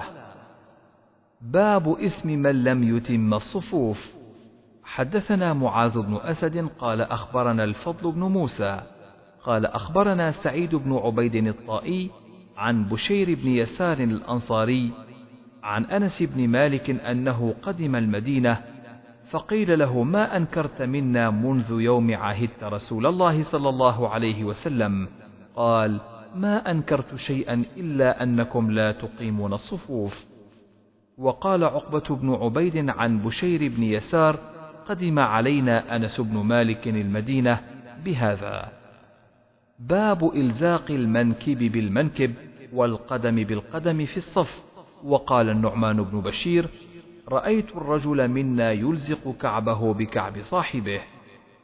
حدثنا عمرو بن خالد قال حدثنا زهير عن حميد عن أنس عن النبي صلى الله عليه وسلم قال أقيموا صفوفكم فإني أراكم من وراء ظهري. وكان أحدنا يلزق منكبه بمنكب صاحبه وقدمه بقدمه. باب إذا قام الرجل عن يسار الإمام وحوله الإمام خلفه إلى يمينه تمت صلاته. حدثنا قتيبة بن سعيد قال حدثنا داود عن عمرو بن دينار عن كريب مولى بن عباس عن ابن عباس رضي الله عنهما قال صليت مع النبي صلى الله عليه وسلم ذات ليلة فقمت عن يساره فأخذ رسول الله صلى الله عليه وسلم برأسي من ورائي فجعلني عن يمينه فصلى ورقد فجاءه المؤذن فقام وصلى ولم يتوضأ. باب المرأة وحدها تكون صفا. حدثنا عبد الله بن محمد قال حدثنا سفيان عن إسحاق عن أنس بن مالك قال صليت أنا ويتيم في بيتنا خلف النبي صلى الله عليه وسلم وأمي أم سليم خلفنا. باب ميمنة المسجد والإمام. حدثنا موسى حدثنا ثابت بن يزيد حدثنا عاصم عن الشعبي عن ابن عباس رضي الله عنهما قال قمت ليلة أصلي عن يسار النبي صلى الله عليه وسلم فأخذ بيدي أو بعضدي حتى أقامني عن يمينه وقال بيده من ورائي. باب إذا كان بين الإمام وبين القوم حائط أو سترة. وقال لا بأس أن تصلي وبينك وبينه نهر. وقال أبو مجلز يأتم بالإمام وإن كان بينهما طريق أو جدار إذا سمع تكبير الإمام. حدثنا محمد قال أخبرنا عبده عن يحيى بن سعيد الأنصاري عن عمرة عن عائشة قالت كان رسول الله صلى الله عليه وسلم يصلي من الليل في حجرته وجدار الحجرة قصير. فرأى الناس شخص النبي صلى الله عليه وسلم فقام أناس يصلون بصلاته فأصبحوا فتحدثوا بذلك فقام ليلة الثانية. فقام معه أناس يصلون بصلاته صنعوا ذلك ليلتين أو ثلاثة حتى إذا كان بعد ذلك جلس رسول الله صلى الله عليه وسلم فلم يخرج. فلما أصبح ذكر ذلك الناس فقال إني خشيت أن تكتب عليكم صلاة الليل. باب صلاة الليل. حدثنا إبراهيم بن المنذر قال حدثنا ابن أبي فديك قال حدثنا ابن أبي ذئب عن المقبوري عن أبي سلمة بن عبد الرحمن عن عائشة رضي الله عنها أن النبي صلى الله عليه وسلم كان له حصير يبسطه بالنهار ويحتجره بالليل فثاب إليه ناس فصلوا وراءه. حدثنا عبد الأعلى بن حماد قال حدثنا وهيب قال حدثنا موسى بن عقبة عن سالم أبي النضر عن بسر بن سعيد عن زيد بن ثابت أن رسول الله صلى الله عليه وسلم اتخذ حجرة. قال حسبت أنه قال من حصير في رمضان فصلى فيها ليالي فصلى بصلاته ناس من أصحابه فلما علم بهم جعل يقعد فخرج إليهم فقال قد عرفت الذي رأيت من صنيعكم فصلوا أيها الناس في بيوتكم فإن أفضل الصلاة صلاة المرء في بيته إلا المكتوبة. قال عفان حدثنا وهيب حدثنا موسى. سمعت أبا النضر عن بسر عن زيد عن النبي صلى الله عليه وسلم. باب إيجاب التكبير وافتتاح الصلاة.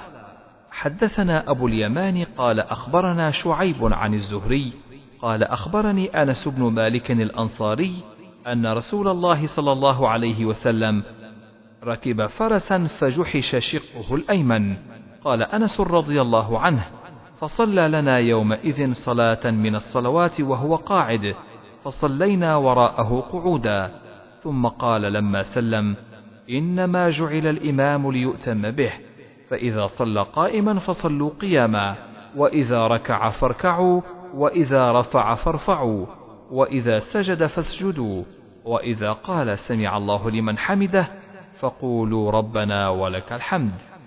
حدثنا قتيبة بن سعيد قال حدثنا ليث عن ابن شهاب عن أنس بن مالك أنه قال خر رسول الله صلى الله عليه وسلم عن فرس فجحش فصلى لنا قاعدا فصلينا معه قعودا.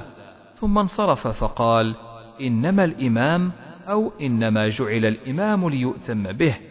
فإذا كبر فكبروا وإذا ركع فاركعوا وإذا رفع فارفعوا وإذا قال سمع الله لمن حمده فقولوا ربنا لك الحمد وإذا سجد فاسجدوا.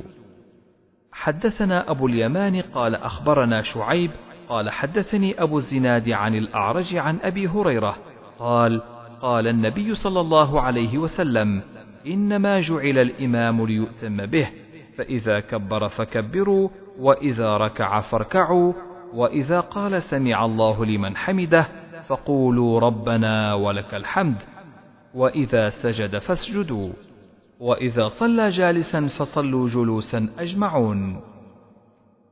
باب رفع اليدين في التكبيرة الأولى مع الافتتاح سواء. حدثنا عبد الله بن مسلمة عن مالك عن ابن شهاب عن سالم بن عبد الله عن أبيه أن رسول الله صلى الله عليه وسلم كان يرفع يديه حذو منكبيه إذا افتتح الصلاة وإذا كبر للركوع وإذا رفع رأسه من الركوع رفعهما كذلك أيضا. وقال سمع الله لمن حمده ربنا ولك الحمد وكان لا يفعل ذلك في السجود. باب رفع اليدين إذا كبر وإذا ركع وإذا رفع. حدثنا محمد بن مقاتل قال أخبرنا عبد الله قال أخبرنا يونس عن الزهري أخبرني سالم بن عبد الله عن عبد الله بن عمر رضي الله عنهما قال رأيت رسول الله صلى الله عليه وسلم إذا قام في الصلاة رفع يديه حتى يكونا حذو منكبيه وكان يفعل ذلك حين يكبر للركوع ويفعل ذلك إذا رفع رأسه من الركوع ويقول سمع الله لمن حمده ولا يفعل ذلك في السجود.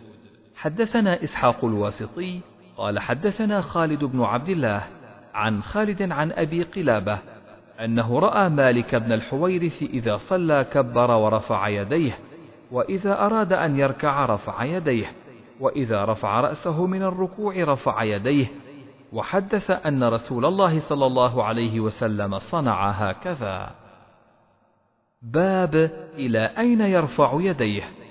وقال أبو حميد في أصحابه رفع النبي صلى الله عليه وسلم حذو منكبيه. حدثنا أبو اليمان قال أخبرنا شعيب عن الزهري قال أخبرنا سالم بن عبد الله أن عبد الله بن عمر رضي الله عنهما قال رأيت النبي صلى الله عليه وسلم افتتح التكبير في الصلاة فرفع يديه حين يكبر حتى يجعلهما حذو منكبيه. وإذا كبر للركوع فعل مثله وإذا قال سمع الله لمن حمده فعل مثله وقال ربنا ولك الحمد. ولا يفعل ذلك حين يسجد ولا حين يرفع رأسه من السجود. باب رفع اليدين إذا قام من الركعتين.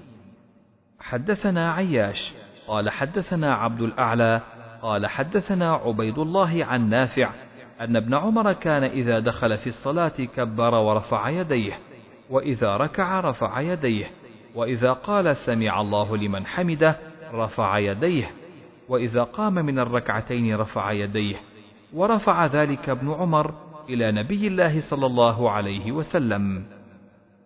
رواه حماد بن سلمة عن أيوب عن نافع عن ابن عمر عن النبي صلى الله عليه وسلم ورواه ابن طهمان عن أيوب وموسى بن عقبة مختصرا. باب وضع اليمنى على اليسرى. حدثنا عبد الله بن مسلمة عن مالك عن أبي حازم عن سهل بن سعد قال كان الناس يؤمرون أن يضع الرجل اليد اليمنى على ذراعه اليسرى في الصلاة. قال أبو حازم لا أعلمه إلا ينمي ذلك إلى النبي صلى الله عليه وسلم. قال إسماعيل ينمى ذلك ولم يقل ينمي. باب الخشوع في الصلاة. حدثنا إسماعيل قال حدثني مالك عن أبي الزناد عن الأعرج عن أبي هريرة أن رسول الله صلى الله عليه وسلم قال هل ترون قبلتي ها هنا؟ والله ما يخفى علي ركوعكم ولا خشوعكم وإني لأراكم وراء ظهري. حدثنا محمد بن بشار قال حدثنا غندر قال حدثنا شعبة قال سمعت قتادة عن أنس بن مالك عن النبي صلى الله عليه وسلم قال أقيموا الركوع والسجود فوالله إني لأراكم من بعدي وربما قال من بعد ظهري إذا ركعتم وسجدتم. باب ما يقول بعد التكبير. حدثنا حفص بن عمر قال حدثنا شعبة عن قتادة عن أنس أن النبي صلى الله عليه وسلم وأبا بكر وعمر رضي الله عنهما كانوا يفتتحون الصلاة بالحمد لله رب العالمين. حدثنا موسى بن إسماعيل قال حدثنا عبد الواحد بن زياد قال حدثنا عمارة بن القعقاع قال حدثنا أبو زرعة قال حدثنا أبو هريرة قال كان رسول الله صلى الله عليه وسلم يسكت بين التكبير وبين القراءة إسكاته قال أحسبه قال هنية فقلت بأبي وأمي يا رسول الله إسكاتك بين التكبير والقراءة ما تقول؟ قال أقول اللهم باعد بيني وبين خطاياي كما باعدت بين المشرق والمغرب. اللهم نقني من الخطايا كما ينقى الثوب الأبيض من الدنس. اللهم اغسل خطاياي بالماء والثلج والبرد. باب حدثنا ابن أبي مريم. قال أخبرنا نافع بن عمر. قال حدثني ابن أبي مليكة عن أسماء بنت أبي بكر أن النبي صلى الله عليه وسلم صلى صلاة الكسوف فقام فأطال القيام ثم ركع فأطال الركوع ثم قام فأطال القيام ثم ركع فأطال الركوع ثم رفع ثم سجد فأطال السجود ثم رفع ثم سجد فأطال السجود ثم قام فأطال القيام ثم ركع فأطال الركوع ثم رفع فأطال القيام ثم ركع فأطال الركوع ثم رفع فسجد فأطال السجود ثم رفع ثم سجد فأطال السجود ثم انصرف. فقال قد دنت مني الجنة حتى لو اجترأت عليها لجئتكم بقطاف من قطافها ودنت مني النار حتى قلت أي رب وأنا معهم. فإذا امرأة حسبت أنه قال تخدشها هرة. قلت ما شأن هذه؟ قالوا حبستها حتى ماتت جوعا لا أطعمتها ولا أرسلتها تأكل. قال نافع حسبت أنه قال من خشيش أو خشاش. باب رفع البصر إلى الإمام في الصلاة. وقالت عائشة قال النبي صلى الله عليه وسلم في صلاة الكسوف فرأيت جهنم يحطم بعضها بعضا. حين رأيتموني تأخرت. حدثنا موسى قال حدثنا عبد الواحد قال حدثنا الأعمش عن عمارة بن عمير عن أبي معمر قال قلنا لخباب أكان رسول الله صلى الله عليه وسلم يقرأ في الظهر والعصر؟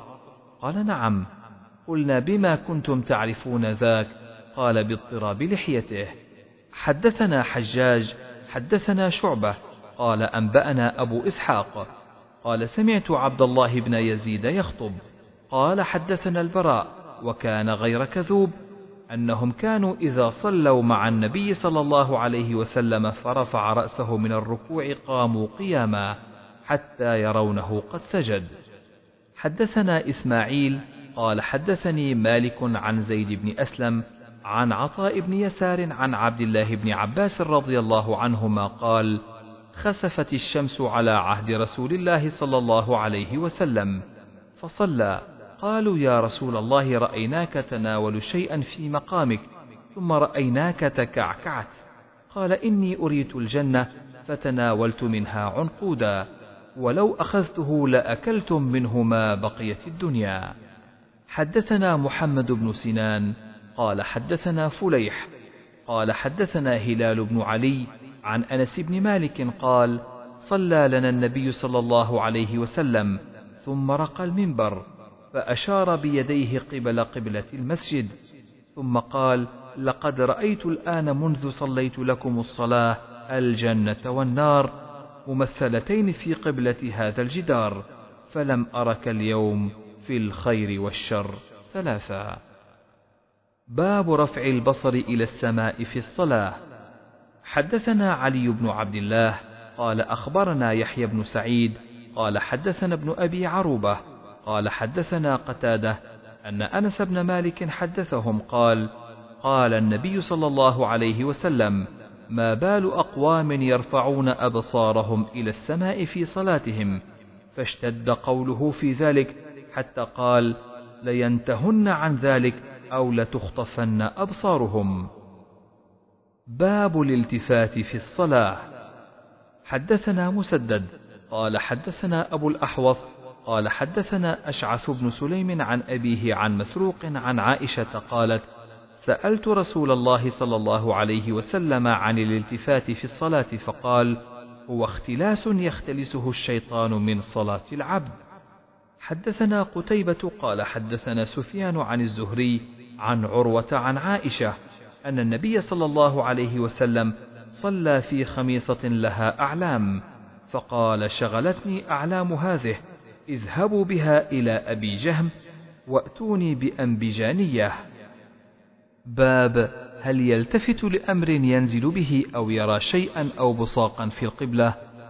وقال سهل التفت أبو بكر رضي الله عنه فرأى النبي صلى الله عليه وسلم. حدثنا قتيبة بن سعيد قال حدثنا ليث عن نافع عن ابن عمر أنه رأى النبي صلى الله عليه وسلم نخامة في قبلة المسجد وهو يصلي بين يدي الناس فحتها. ثم قال حين انصرف إن أحدكم إذا كان في الصلاة فإن الله قبل وجهه فلا يتنخمن أحد قبل وجهه في الصلاة. رواه موسى بن عقبة وابن أبي رواد عن نافع.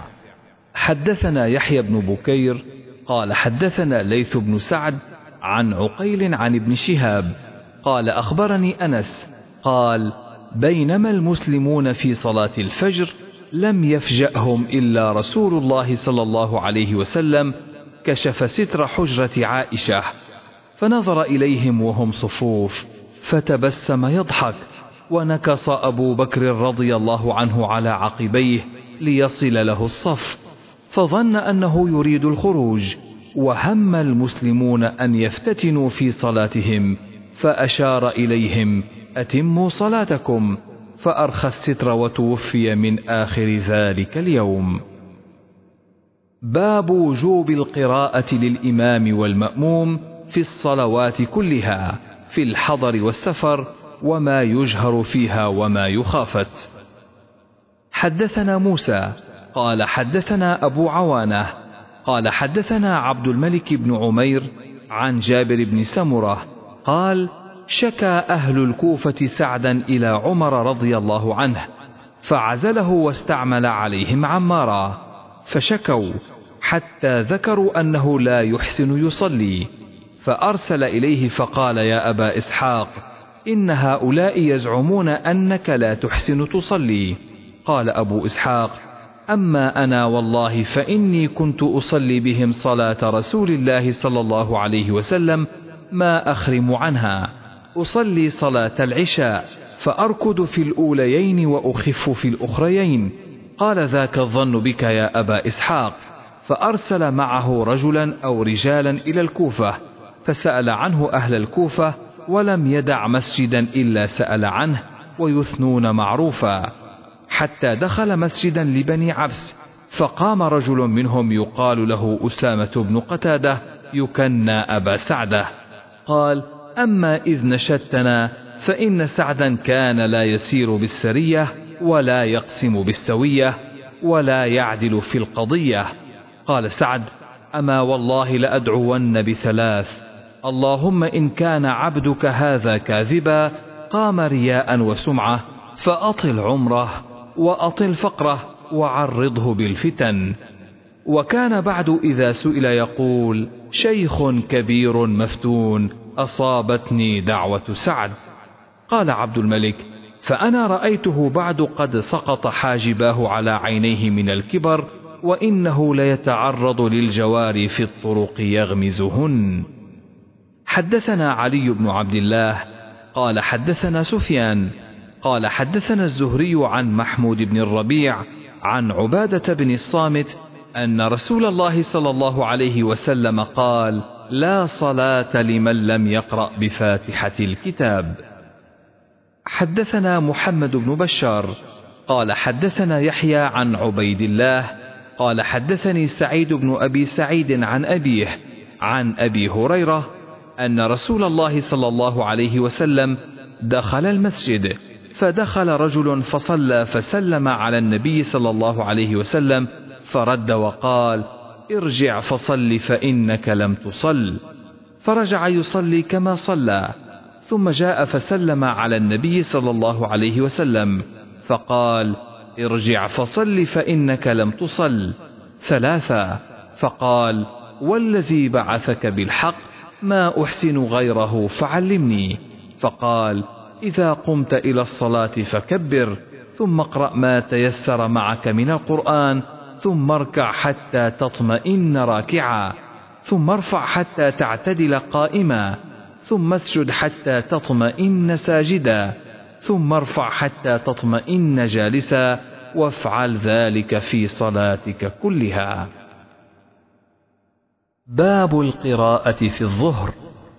حدثنا أبو نعيم قال حدثنا شيبان عن يحيى عن عبد الله بن أبي قتادة عن أبيه قال كان النبي صلى الله عليه وسلم يقرأ في الركعتين الأوليين من صلاة الظهر بفاتحة الكتاب وسورتين يطول في الأولى ويقصر في الثانية ويسمع الآية أحيانا وكان يقرأ في العصر بفاتحة الكتاب وسورتين وكان يطول في الأولى وكان يطول في الركعة الأولى من صلاة الصبح ويقصر في الثانية. حدثنا عمر بن حفص قال حدثنا أبي قال حدثنا الأعمش حدثني عمارة عن أبي معمر قال سألنا خبابا أكان النبي صلى الله عليه وسلم يقرأ في الظهر والعصر؟ قال نعم. قلنا بأي شيء كنتم تعرفون؟ قال باضطراب لحيته. باب القراءة في العصر. حدثنا محمد بن يوسف قال حدثنا سفيان عن الأعمش عن عمارة بن عمير عن أبي معمر قال قلت لخباب بن الأرت أكان النبي صلى الله عليه وسلم يقرأ في الظهر والعصر؟ قال نعم. قال قلت بأي شيء كنتم تعلمون قراءته؟ قال باضطراب لحيته. حدثنا المكي بن إبراهيم عن هشام عن يحيى بن أبي كثير عن عبد الله بن أبي قتادة عن أبيه قال كان النبي صلى الله عليه وسلم يقرأ في الركعتين من الظهر والعصر بفاتحة الكتاب وسورة سورة ويسمعنا الآية أحيانا. باب القراءة في المغرب. حدثنا عبد الله بن يوسف قال أخبرنا مالك عن ابن شهاب عن عبيد الله بن عبد الله بن عتبة عن ابن عباس رضي الله عنهما أنه قال إن أم الفضل سمعته وهو يقرأ والمرسلات عرفا. فقالت يا بني والله لقد ذكرتني بقراءتك هذه السورة إنها لآخر ما سمعت من رسول الله صلى الله عليه وسلم يقرأ بها في المغرب. حدثنا أبو عاصم عن ابن جريج عن ابن أبي مليكة عن عروة بن الزبير عن مروان بن الحكم قال قال لي زيد بن ثابت ما لك تقرأ في المغرب بقصار؟ وقد سمعت النبي صلى الله عليه وسلم يقرأ بطول الطوليين. باب الجهر في المغرب. حدثنا عبد الله بن يوسف قال أخبرنا مالك عن ابن شهاب عن محمد بن جبير بن مطعم عن أبيه قال سمعت رسول الله صلى الله عليه وسلم قرأ في المغرب بالطور. باب الجهر في العشاء. حدثنا أبو النعمان قال حدثنا معتمر عن أبيه عن بكر عن أبي رافع قال صليت مع أبي هريرة العتمة فقرأ إذا السماء انشقت فسجد. فقلت له قال سجدت خلف أبي القاسم صلى الله عليه وسلم فلا أزال أسجد بها حتى ألقاه. حدثنا أبو الوليد قال حدثنا شعبة عن عدي قال سمعت البراء أن النبي صلى الله عليه وسلم كان في سفر فقرأ في العشاء في إحدى الركعتين بالتين والزيتون. باب القراءة في العشاء بالسجدة. حدثنا مسدد قال حدثنا يزيد بن زريع قال حدثني التيمي عن بكر عن أبي رافع قال صليت مع أبي هريرة العتمة فقرأ إذا السماء انشقت فسجد. فقلت ما هذه؟ قال سجدت بها خلف أبي القاسم صلى الله عليه وسلم فلا أزال أسجد بها حتى ألقاه. باب القراءة في العشاء. حدثنا خلاد بن يحيى قال حدثنا مسعر قال حدثنا عدي بن ثابت سمع البراء رضي الله عنه قال سمعت النبي صلى الله عليه وسلم يقرأ والتين والزيتون في العشاء وما سمعت أحدا أحسن صوتا منه أو قراءة. باب يطول في الأوليين ويحذف في الأخريين. حدثنا سليمان بن حرب قال حدثنا شعبة عن أبي عون قال سمعت جابر بن سمرة قال قال عمر لسعد لقد شكوك في كل شيء حتى الصلاة. قال أما أنا فأمد في الأوليين وأحذف في الأخريين ولا آل ما اقتديت به من صلاة رسول الله صلى الله عليه وسلم. قال صدقت ذاك الظن بك أو ظني بك. باب القراءة في الفجر. وقالت أم سلمة قرأ النبي صلى الله عليه وسلم بالطور. حدثنا آدم قال حدثنا شعبة قال حدثنا سيار بن سلامة قال دخلت أنا وأبي على أبي برزة الأسلمي فسألناه عن وقت الصلوات فقال كان النبي صلى الله عليه وسلم يصلي الظهر حين تزول الشمس والعصر ويرجع الرجل إلى أقصى المدينة والشمس حية. ونسيت ما قال في المغرب ولا يبالي بتأخير العشاء إلى ثلث الليل. ولا يحب النوم قبلها ولا الحديث بعدها. ويصلي الصبح فينصرف الرجل فيعرف جليسه. وكان يقرأ في الركعتين أو إحداهما ما بين الستين إلى المئة. حدثنا مسدد قال حدثنا إسماعيل بن إبراهيم قال أخبرنا ابن جريج قال أخبرني عطاء أنه سمع أبا هريرة رضي الله عنه يقول في كل صلاة يقرأ فما أسمعنا رسول الله صلى الله عليه وسلم أسمعناكم وما أخفى عنا أخفينا عنكم وإن لم تزد على أم القرآن أجزأت وإن زدت فهو خير. باب الجهر بقراءة صلاة الفجر وقالت أم سلمة طفت وراء الناس. والنبي صلى الله عليه وسلم يصلي ويقرأ بالطور. حدثنا مسدد قال حدثنا أبو عوانة عن أبي بشر عن سعيد بن جبير عن ابن عباس رضي الله عنهما قال انطلق النبي صلى الله عليه وسلم في طائفة من أصحابه عامدين إلى سوق عكاظ وقد حيل بين الشياطين وبين خبر السماء وأرسلت عليهم الشهب فرجعت الشياطين إلى قومهم فقالوا ما لكم؟ فقالوا حيل بيننا وبين خبر السماء وأرسلت علينا الشهب قالوا ما حال بينكم وبين خبر السماء إلا شيء حدث. فاضربوا مشارق الأرض ومغاربها فانظروا ما هذا الذي حال بينكم وبين خبر السماء. فانصرف أولئك الذين توجهوا نحو تهامة إلى النبي صلى الله عليه وسلم وهو بنخلة عامدين إلى سوق عكاظ وهو يصلي بأصحابه صلاة الفجر. فلما سمعوا القرآن استمعوا له فقالوا هذا والله الذي حال بينكم وبين خبر السماء. فهنالك حين رجعوا إلى قومهم وقالوا يا قومنا إنا سمعنا قرآنا عجبا يهدي إلى الرشد فآمنا به ولن نشرك بربنا أحدا. فأنزل الله على نبيه صلى الله عليه وسلم قل أوحي إلي وإنما أوحي إليه قول الجن. حدثنا مسدد قال حدثنا إسماعيل قال حدثنا أيوب عن عكرمة عن ابن عباس قال قرأ النبي صلى الله عليه وسلم فيما أمر وسكت فيما أمر وما كان ربك نسيا. لقد كان لكم في رسول الله أسوة حسنة. باب الجمع بين السورتين في الركعة والقراءة بالخواتيم وبسورة قبل سورة وبأول سورة. ويذكر عن عبد الله بن السائب قرأ النبي صلى الله عليه وسلم المؤمنون في الصبح حتى إذا جاء ذكر موسى وهارون أو ذكر عيسى أخذته سعلة فركع.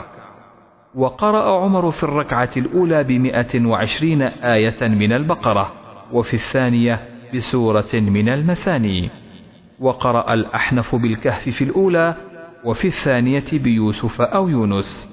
وذكر أنه صلى مع عمر رضي الله عنه الصبح بهما. وقرأ ابن مسعود بأربعين آية من الأنفال. وفي الثانية بسورة من المفصل. وقال قتادة في من يقرأ سورة واحدة في ركعتين أو يردد سورة واحدة في ركعتين كل كتاب الله.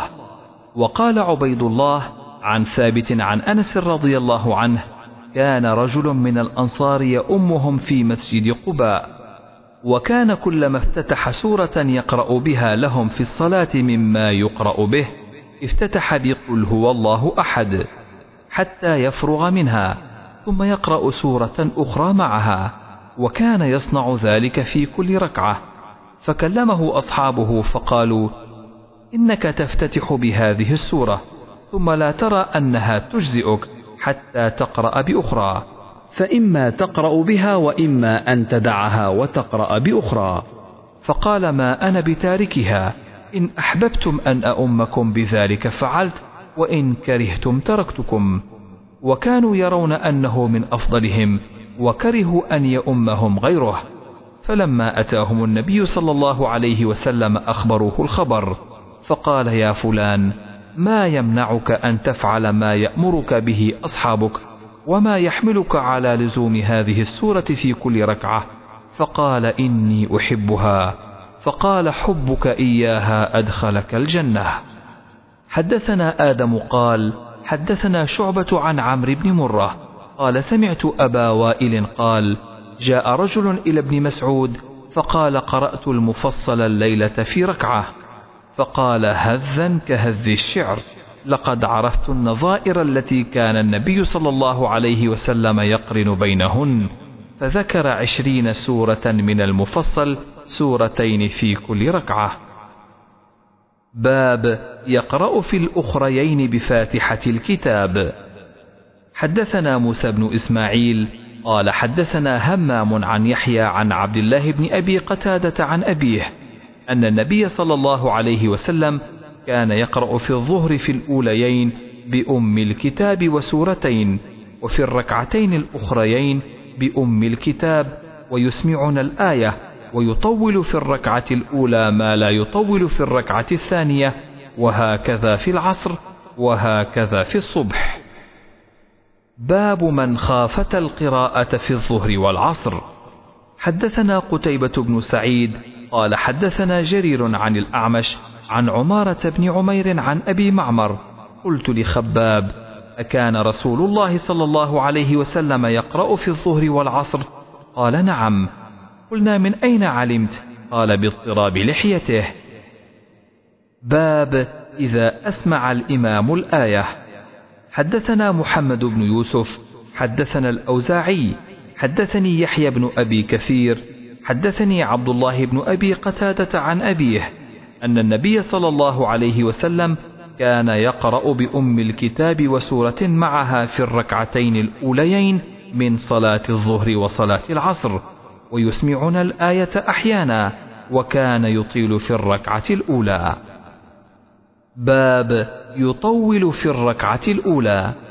حدثنا أبو نعيم حدثنا هشام عن يحيى بن أبي كثير عن عبد الله بن أبي قتادة عن أبيه أن النبي صلى الله عليه وسلم كان يطول في الركعة الأولى من صلاة الظهر ويقصر في الثانية ويفعل ذلك في صلاة الصبح. باب جهر الإمام بالتأمين وقال عطاء آمين دعاء أمن ابن الزبير ومن وراءه حتى إن للمسجد للجة. وكان أبو هريرة ينادي الإمام لا تفتني بآمين. وقال نافع كان ابن عمر لا يدعه ويحضهم وسمعت منه في ذلك خيرا. حدثنا عبد الله بن يوسف قال أخبرنا مالك عن ابن شهاب عن سعيد بن المسيب وأبي سلمة بن عبد الرحمن أنهما أخبراه عن أبي هريرة أن النبي صلى الله عليه وسلم قال إذا أمن الإمام فأمنوا فإنه من وافق تأمينه تأمين الملائكة غفر له ما تقدم من ذنبه. وقال ابن شهاب وكان رسول الله صلى الله عليه وسلم يقول آمين. باب فضل التأمين.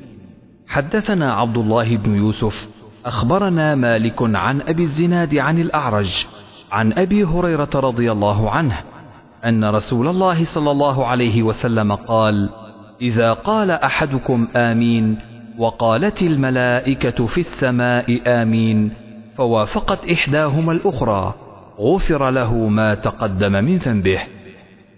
باب جهر المأموم بالتأمين.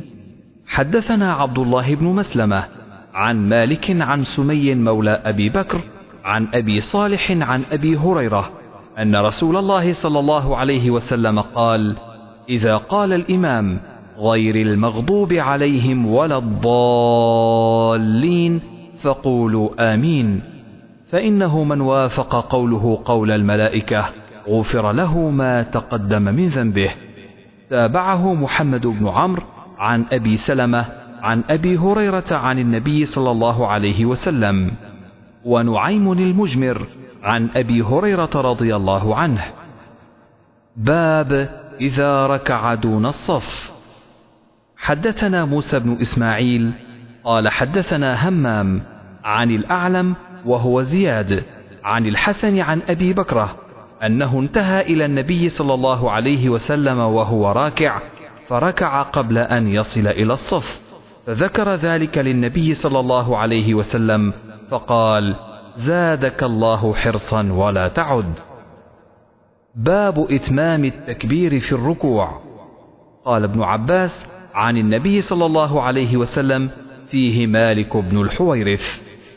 حدثنا إسحاق الواسطي قال حدثنا خالد عن الجريري عن أبي العلاء عن مطرف عن عمران بن حسين قال صلى مع علي رضي الله عنه بالبصرة فقال ذكرنا هذا الرجل صلاة كنا نصليها مع رسول الله صلى الله عليه وسلم فذكر أنه كان يكبر كلما رفع وكلما وضع. حدثنا عبد الله بن يوسف قال أخبرنا مالك عن ابن شهاب عن أبي سلمة عن أبي هريرة أنه كان يصلي بهم فيكبر كلما خفض ورفع. فإذا انصرف قال إني لأشبهكم صلاة برسول الله صلى الله عليه وسلم. باب إتمام التكبير في السجود.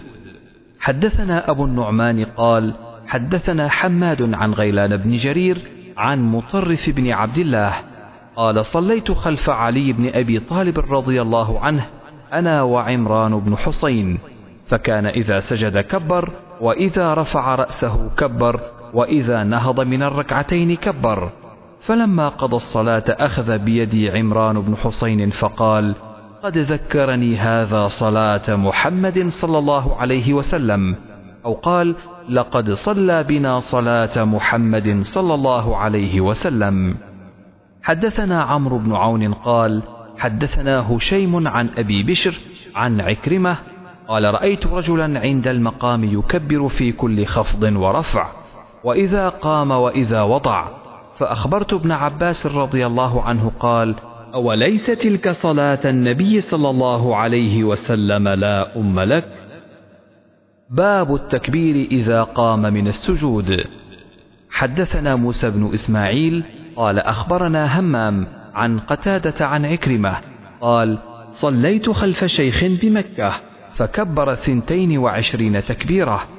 فقلت لابن عباس إنه أحمق. فقال ثكلتك أمك سنة أبي القاسم صلى الله عليه وسلم. وقال موسى حدثنا أبان حدثنا قتادة حدثنا عكرمة حدثنا يحيى بن بكير قال حدثنا الليث عن عقيل عن ابن شهاب قال أخبرني أبو بكر بن عبد الرحمن بن الحارث أنه سمع أبا هريرة يقول كان رسول الله صلى الله عليه وسلم إذا قام إلى الصلاة يكبر حين يقوم ثم يكبر حين يركع ثم يقول سمع الله لمن حمده حين يرفع صلبه من الركعة ثم يقول وهو قائم ربنا لك الحمد.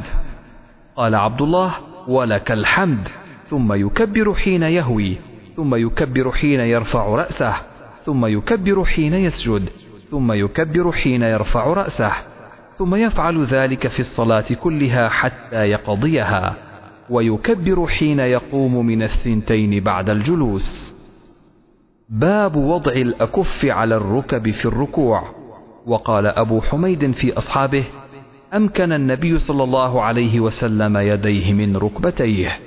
حدثنا أبو الوليد قال حدثنا شعبة عن أبي يعفور قال سمعت مصعب بن سعد يقول صليت إلى جنب أبي فطبقت بين كفيه ثم وضعتهما بين فخذي فنهاني أبي وقال كنا نفعله فنهينا عنه وأمرنا أن نضع أيدينا على الركب.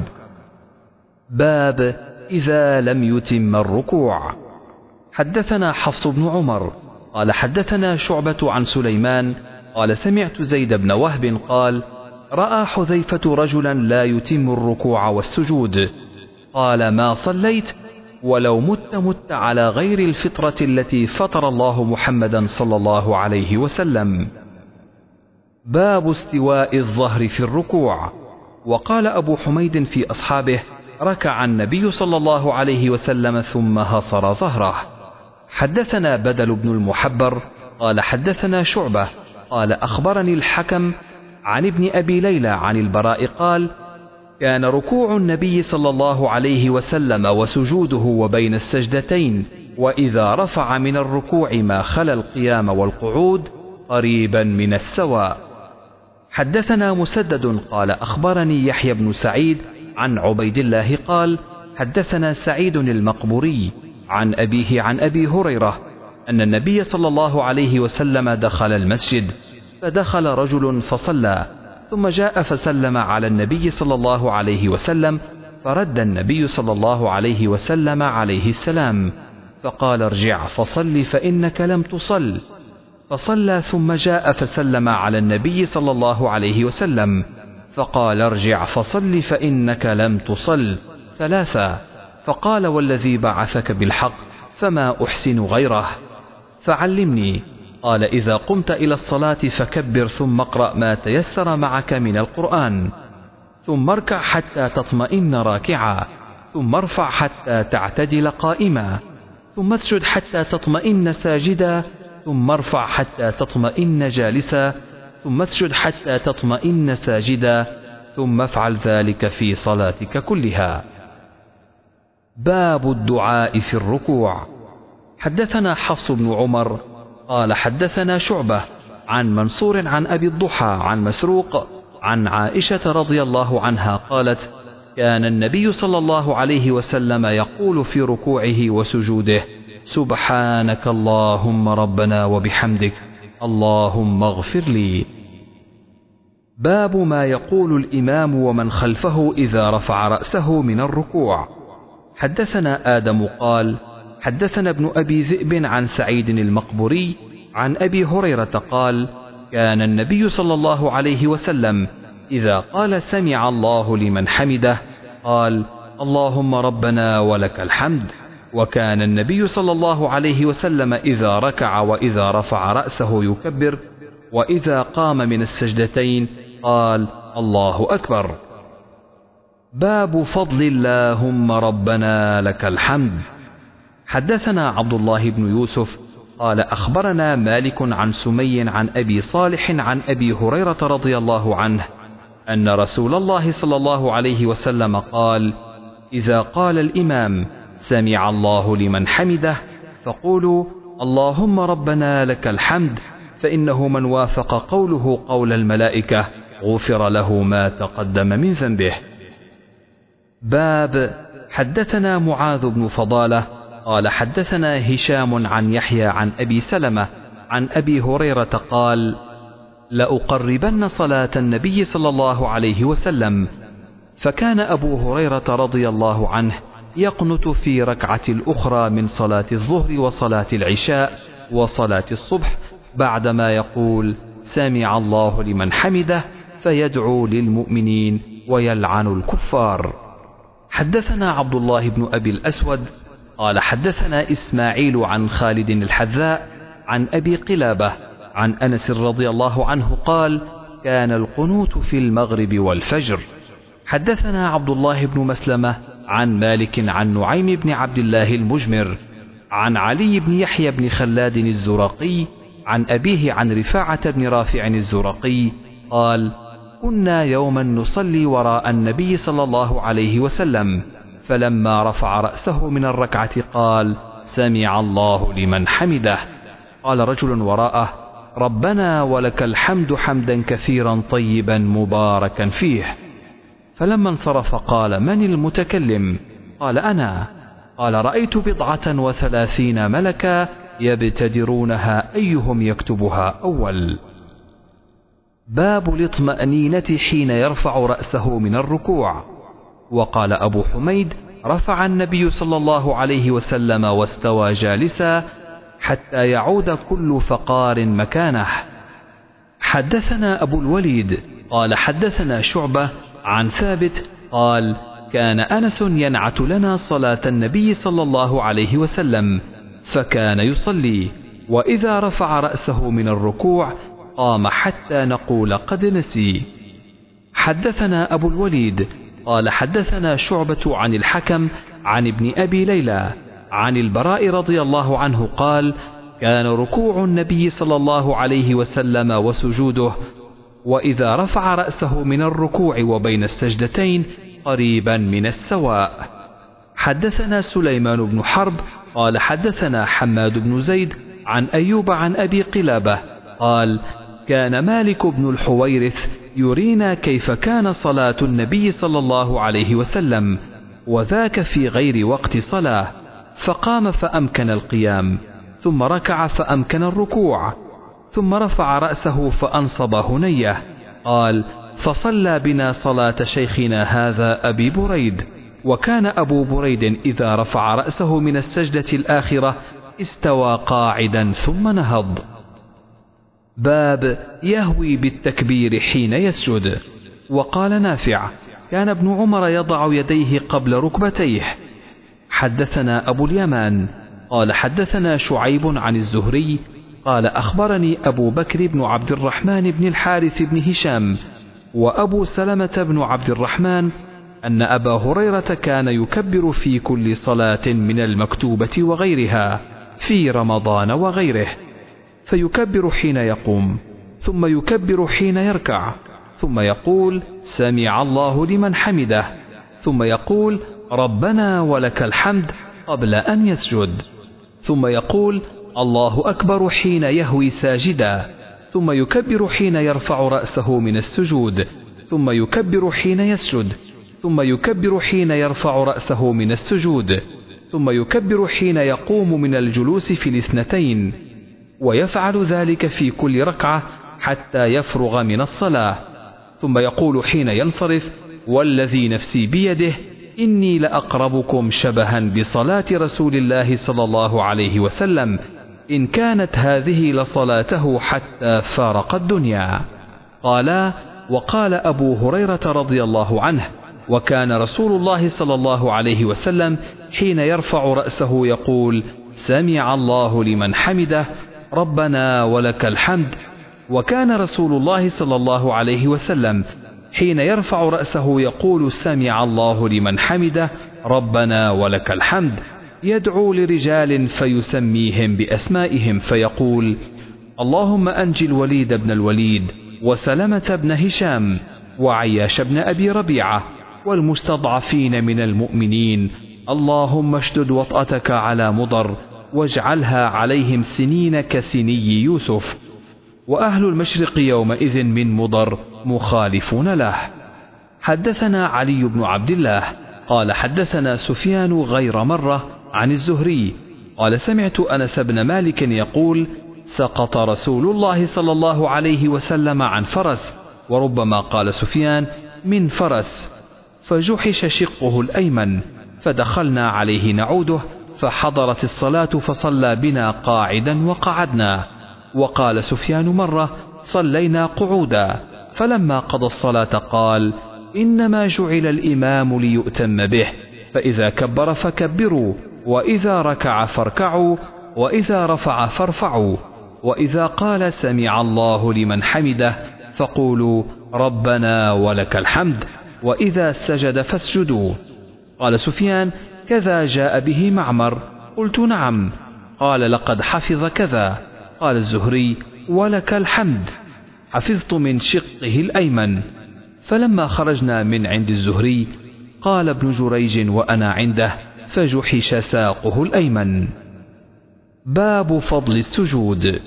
حدثنا أبو اليمان قال أخبرنا شعيب عن الزهري قال أخبرني سعيد بن المسيب وعطاء بن يزيد الليثي أن أبا هريرة أخبرهما أن الناس قالوا يا رسول الله هل نرى ربنا يوم القيامة؟ قال هل تمارون في القمر ليلة البدر؟ ليس دونه سحاب. قالوا لا يا رسول الله. قال فهل تمارون في الشمس ليس دونها سحاب؟ قالوا لا. قال فإنكم ترونه كذلك. يحشر الناس يوم القيامة فيقول من كان يعبد شيئا فليتبع. فمنهم من يتبع الشمس ومنهم من يتبع القمر ومنهم من يتبع الطواغيت وتبقى هذه الأمة فيها منافقوها. فيأتيهم الله فيقول أنا ربكم فيقولون هذا مكاننا حتى يأتينا ربنا فإذا جاء ربنا عرفناه. فيأتيهم الله فيقول أنا ربكم فيقولون أنت ربنا فيدعوهم فيضرب الصراط بين ظهراني جهنم فأكون أول من يجوز من الرسل بأمته ولا يتكلم يومئذ أحد إلا الرسل. وكلام الرسل يومئذ اللهم سلم سلم. وفي جهنم كلاليب مثل شوك السعدان. هل رأيتم شوك السعدان؟ قالوا نعم. قال فإنها مثل شوك السعدان غير أنه لا يعلم قدر عظمها إلا الله. تخطف الناس بأعمالهم فمنهم من يوبق بعمله ومنهم من يخردل ثم ينجو. حتى إذا أراد الله رحمة من أراد من أهل النار أمر الله الملائكة أن يخرجوا من كان يعبد الله فيخرجونهم ويعرفونهم بآثار السجود. وحرم الله على النار أن تأكل أثر السجود. فيخرجون من النار فكل ابن آدم تأكله النار إلا أثر السجود فيخرجون من النار قد امتحشوا فيصب عليهم ماء الحياة فينبتون كما تنبت الحبة في حميل السيل. ثم يفرغ الله من القضاء بين العباد ويبقى رجل بين الجنة والنار وهو آخر أهل النار دخولا الجنة مقبل بوجهه قبل النار. فيقول يا رب اصرف وجهي عن النار قد قشبني ريحها وأحرقني ذكاؤها. فيقول هل عسيت إن فعل ذلك بك أن تسأل غير ذلك؟ فيقول لا وعزتك. فيعطي الله ما يشاء من عهد وميثاق فيصرف الله وجهه عن النار. فإذا أقبل به على الجنة رأى بهجتها سكت ما شاء الله أن يسكت. ثم قال يا رب قدمني عند باب الجنة. فيقول الله له أليس قد أعطيت العهود والميثاق ألا تسأل غير الذي كنت سألت؟ فيقول يا رب لا أكون أشقى خلقك. فيقول فما عسيت إن أعطيت ذلك ألا تسأل غيره؟ فيقول لا وعزتك لا أسأل غير ذلك. فيعطي ربه ما شاء من عهد وميثاق. فيقدمه إلى باب الجنة. فإذا بلغ بابها فرأى زهرتها وما فيها من النضرة والسرور فيسكت ما شاء الله أن يسكت. فيقول يا رب أدخلني الجنة. فيقول الله ويحك يا ابن آدم ما أغدرك. أليس قد أعطيت العهود والميثاق؟ ألا تسأل غير الذي أعطيت؟ فيقول يا رب لا تجعلني أشقى خلقك. فيضحك الله عز وجل منه ثم يأذن له في دخول الجنة فيقول تمن فيتمنى حتى إذا انقطع أمنيته. قال الله عز وجل من كذا وكذا أقبل يذكره ربه حتى إذا انتهت به الأماني قال الله تعالى لك ذلك ومثله معه قال أبو سعيد الخدري لأبي هريرة رضي الله عنهما إن رسول الله صلى الله عليه وسلم قال قال الله لك ذلك وعشرة أمثاله. قال أبو هريرة لم أحفظ من رسول الله صلى الله عليه وسلم إلا قوله لك ذلك ومثله معه. قال أبو سعيد إني سمعته يقول ذلك لك وعشرة أمثاله. باب يبدي ضبعيه ويجافي في السجود. حدثنا يحيى بن بكير قال حدثني بكر بن مضر عن جعفر عن ابن هرمز عن عبد الله بن مالك بن بحينة أن النبي صلى الله عليه وسلم كان إذا صلى فرج بين يديه حتى يبدو بياض إبطيه. وقال الليث حدثني جعفر بن ربيعة نحوه. باب يستقبل بأطراف رجليه القبلة. قاله أبو حميد الساعدي عن النبي صلى الله عليه وسلم. باب إذا لم يتم السجود. حدثنا الصلت بن محمد قال حدثنا مهدي عن واصل عن أبي وائل عن حذيفة رأى رجلا لا يتم ركوعه ولا سجوده فلما قضى صلاته قال له حذيفة ما صليت؟ قال وأحسبه. قال ولو مت مت على غير سنة محمد صلى الله عليه وسلم. باب السجود على سبعة أعظم.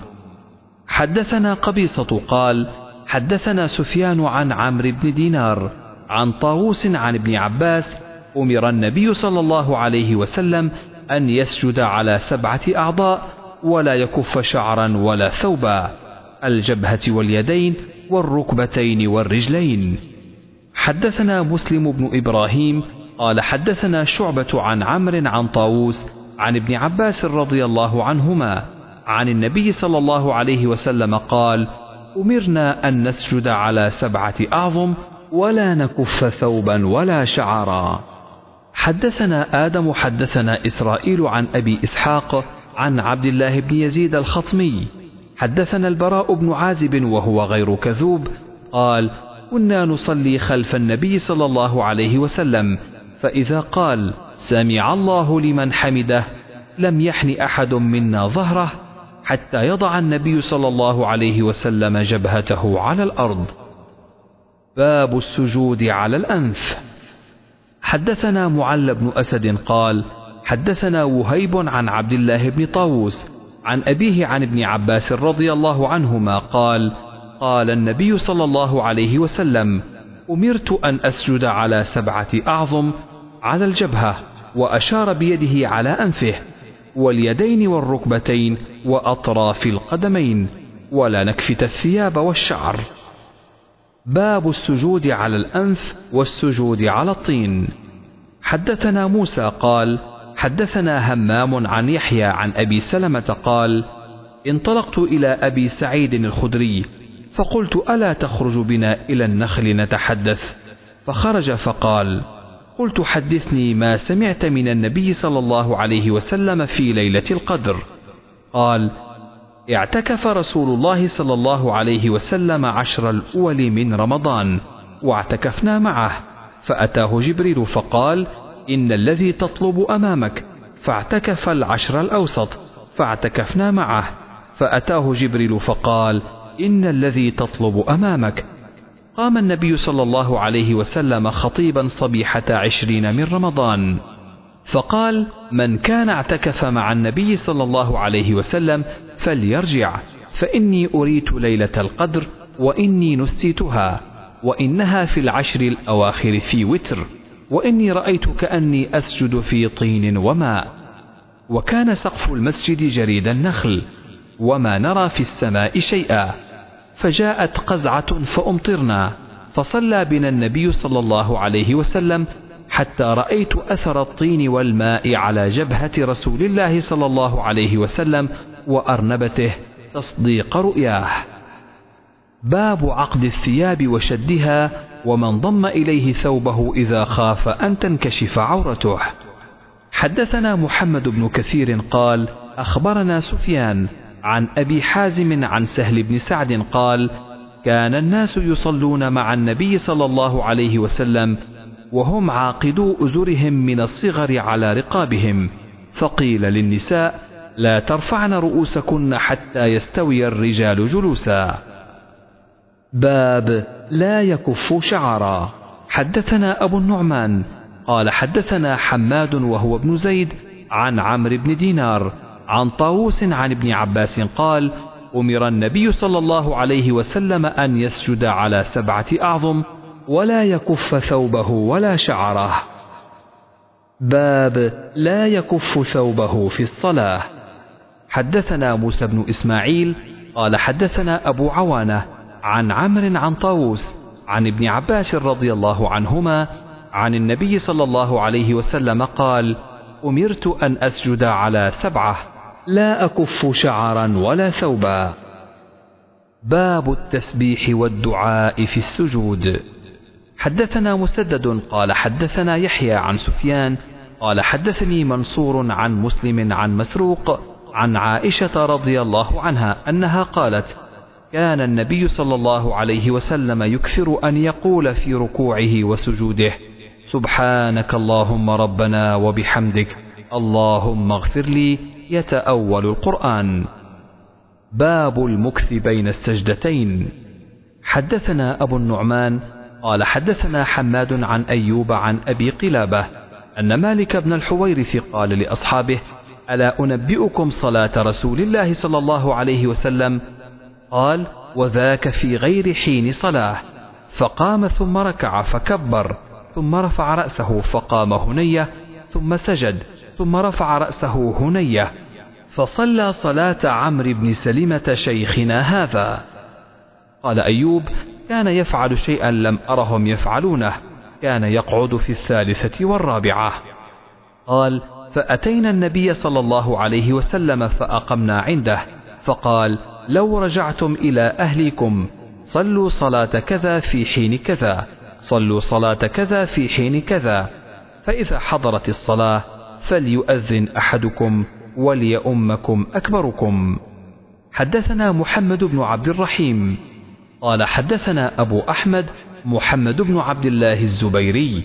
قال حدثنا مسعر عن الحكم عن عبد الرحمن بن أبي ليلى عن البراء قال كان سجود النبي صلى الله عليه وسلم وركوعه وقعوده بين السجدتين قريبا من السواء.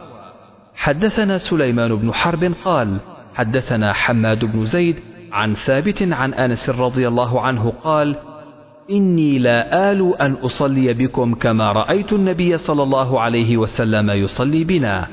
قال ثابت كان أنس يصنع شيئا لم أركم تصنعونه.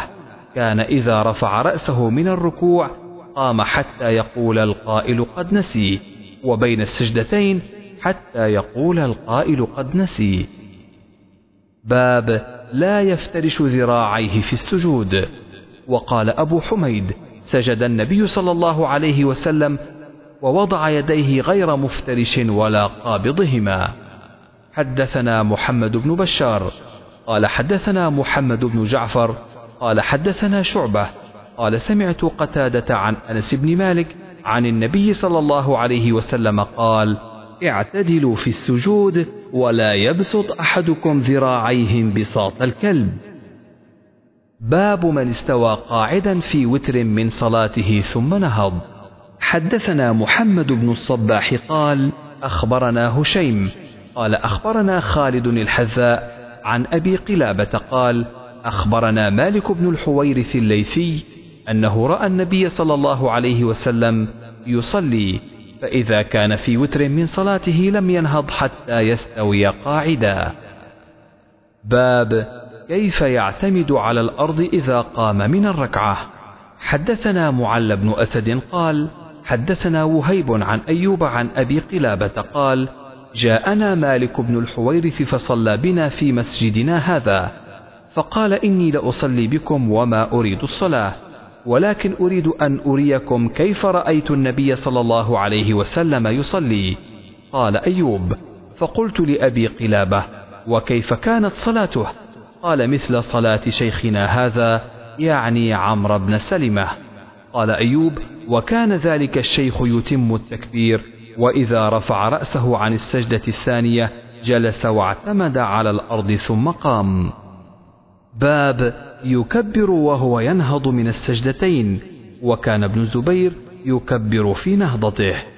حدثنا يحيى بن صالح قال حدثنا فليح بن سليمان عن سعيد بن الحارث قال صلى لنا أبو سعيد فجهر بالتكبير حين رفع رأسه من السجود وحين سجد وحين رفع وحين قام من الركعتين وقال هكذا رأيت النبي صلى الله عليه وسلم حدثنا سليمان بن حرب قال حدثنا حماد بن زيد قال حدثنا غيلان بن جرير عن مطرف قال صليت أنا وعمران صلاة خلف علي بن أبي طالب رضي الله عنه فكان إذا سجد كبر وإذا رفع كبر وإذا نهض من الركعتين كبر فلما سلم أخذ عمران بيدي فقال لقد صلى بنا هذا صلاة محمد صلى الله عليه وسلم أو قال لقد ذكرني هذا صلاة محمد صلى الله عليه وسلم.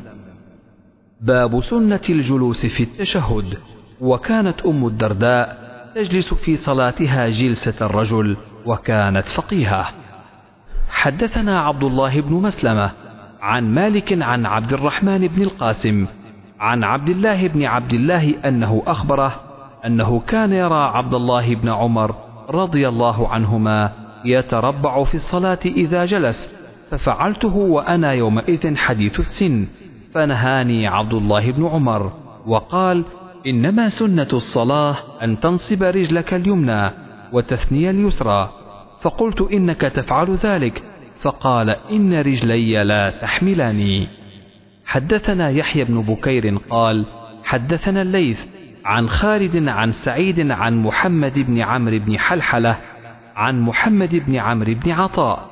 وحدثنا الليث عن يزيد بن أبي حبيب ويزيد بن محمد عن محمد بن عمرو بن حلحلة عن محمد بن عمرو بن عطاء أنه كان جالسا مع نفر من أصحاب النبي صلى الله عليه وسلم فذكرنا صلاة النبي صلى الله عليه وسلم فقال أبو حميد الساعدي أنا كنت أحفظكم لصلاة رسول الله صلى الله عليه وسلم.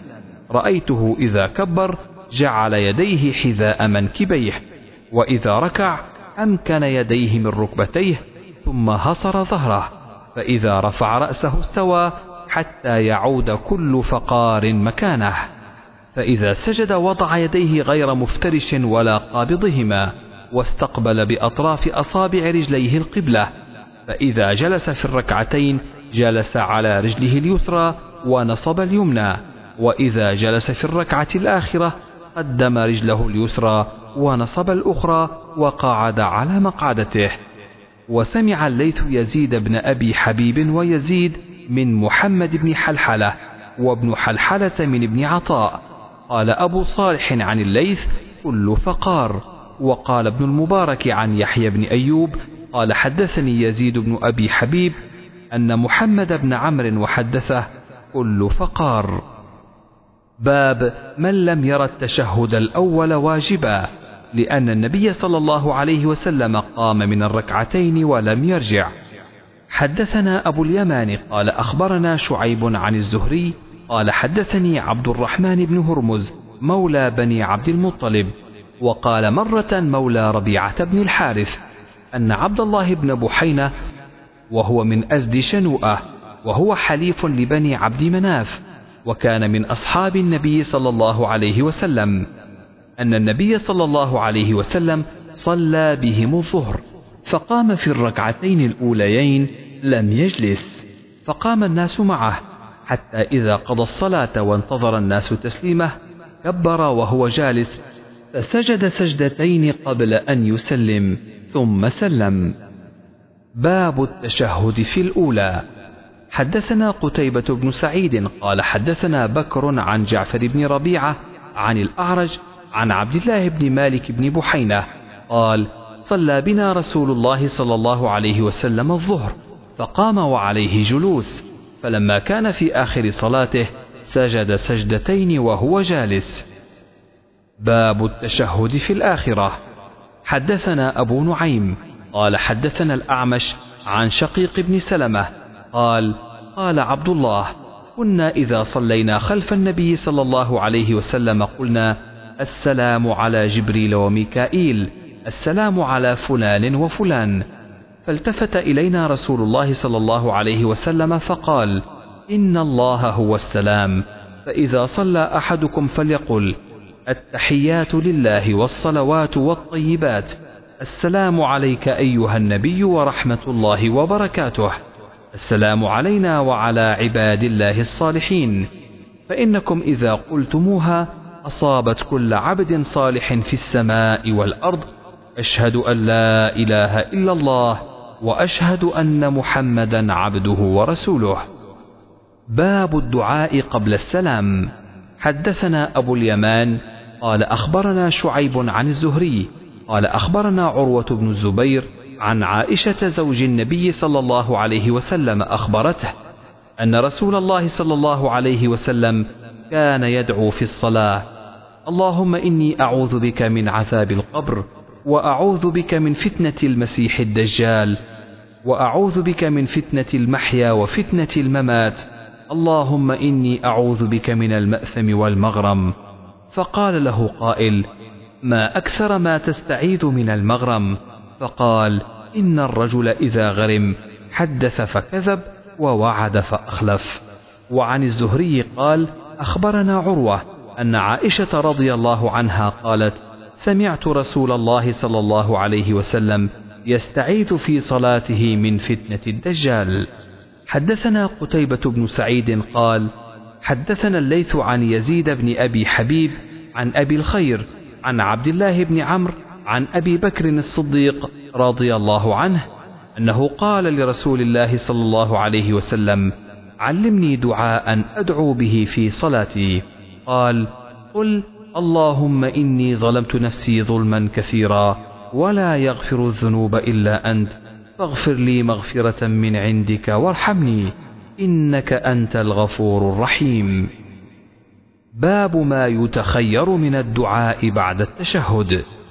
وليس بواجب. حدثنا مسدد. قال حدثنا يحيى عن الأعمش. حدثني شقيق عن عبد الله. قال كنا إذا كنا مع النبي صلى الله عليه وسلم في الصلاة قلنا السلام على الله من عباده. السلام على فلان وفلان. فقال النبي صلى الله عليه وسلم لا تقولوا السلام على الله فإن الله هو السلام. ولكن قولوا التحيات لله والصلوات والطيبات. السلام عليك أيها النبي ورحمة الله وبركاته. السلام علينا وعلى عباد الله الصالحين. فإنكم إذا قلتم أصاب كل عبد في السماء أو بين السماء والأرض. أشهد أن لا إله إلا الله وأشهد أن محمدا عبده ورسوله. ثم يتخير من الدعاء أعجبه إليه فيدعو. باب من لم يمسح جبهته وأنفه حتى صلى. حدثنا مسلم بن إبراهيم قال حدثنا هشام عن يحيى عن أبي سلمة قال سألت أبا سعيد الخدري فقال رأيت رسول الله صلى الله عليه وسلم يسجد في الماء والطين حتى رأيت أثر الطين في جبهته. باب التسليم. حدثنا موسى بن إسماعيل حدثنا إبراهيم بن سعد حدثنا الزهري عن هند بنت الحارث أن أم سلمة رضي الله عنها قالت كان رسول الله صلى الله عليه وسلم إذا سلم قام النساء حتى يقضي تسليمه ومكث يسيرا قبل أن يقوم. قال ابن شهاب فأرى والله أعلم أن مكثه لكي ينفذ النساء قبل أن يدركهن من انصرف من القوم. باب يسلم حين يسلم الإمام. وكان ابن عمر رضي الله عنهما يستحب إذا سلم الإمام أن يسلم من خلفه. باب يسلم حين يسلم الإمام وكان ابن عمر رضي الله عنهما يستحب إذا سلم الإمام أن يسلم من خلفه.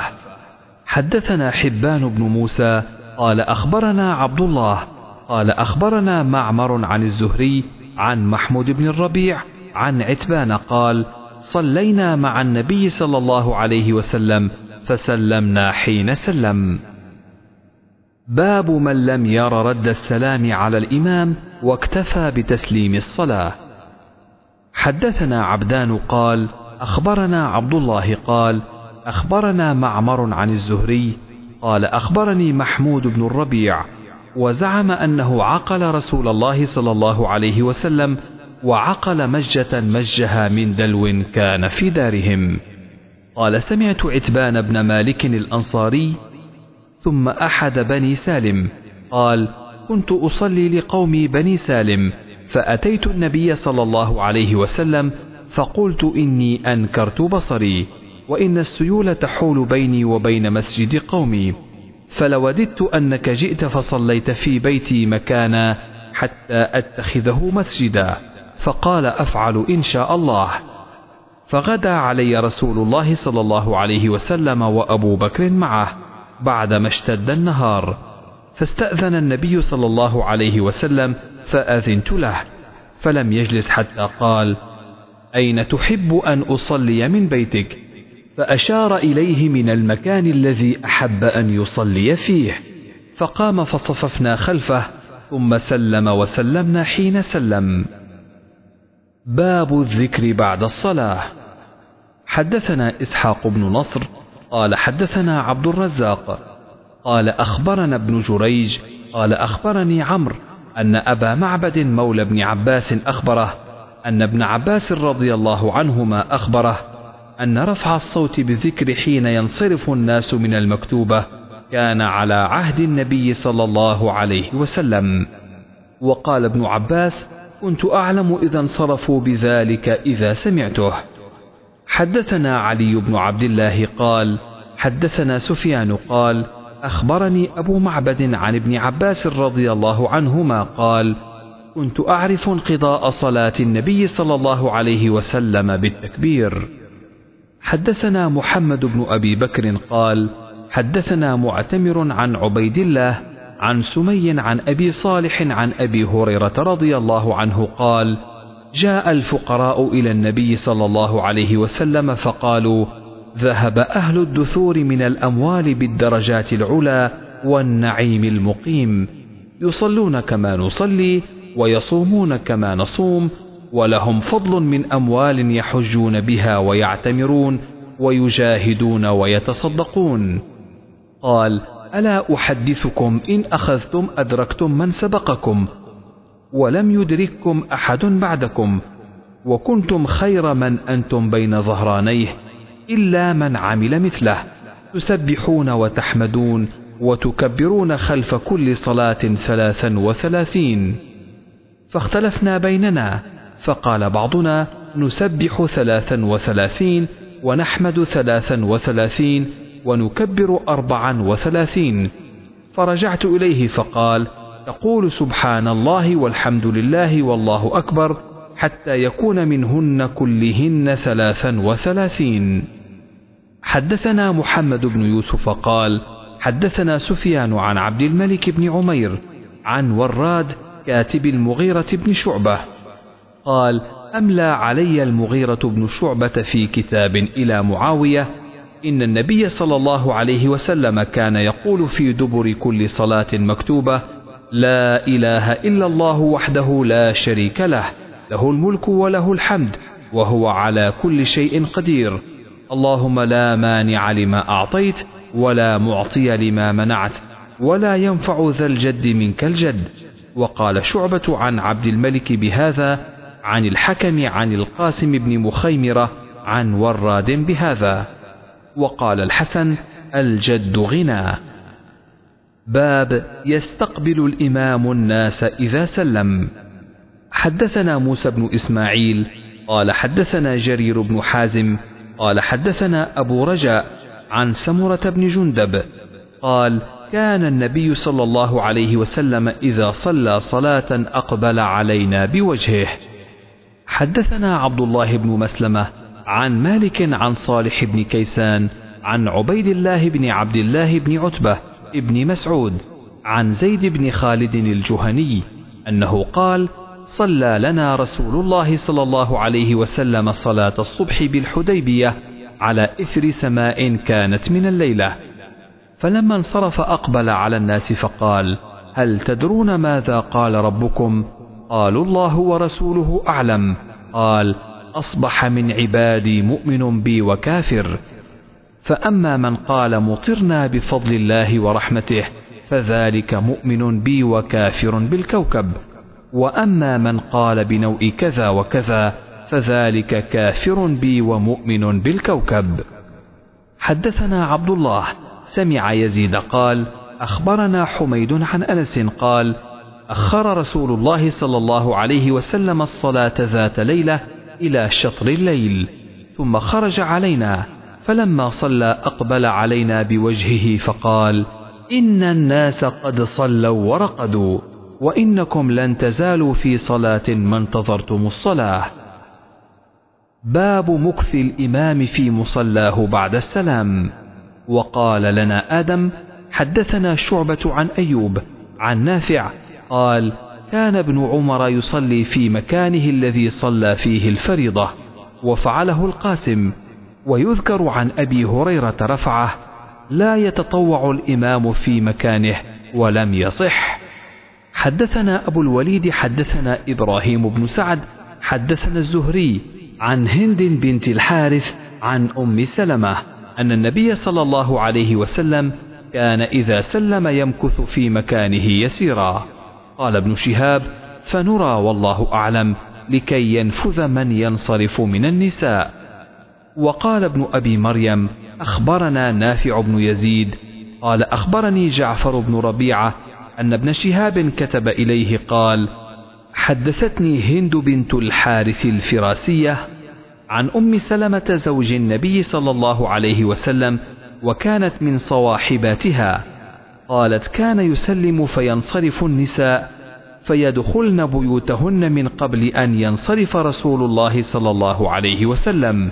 وقال ابن وهب عن يونس عن ابن شهاب أخبرتني هند الفراسية وقال عثمان بن عمر أخبرنا يونس عن الزهري حدثتني هند الفراسية وقال الزبيدي أخبرني الزهري أن هند بنت الحارث القرشية أخبرته وكانت تحت معبد بن المقداد وهو حليف بني زهرة وكانت تدخل على أزواج النبي صلى الله عليه وسلم. وقال شعيب عن الزهري حدثتني هند القرشية وقال ابن أبي عتيق عن الزهري عن هند الفراسية وقال الليث حدثني يحيى بن سعيد حدثه عن ابن شهاب عن امرأة من قريش حدثته عن النبي صلى الله عليه وسلم. باب من صلى بالناس فذكر حاجة فتخطاهم.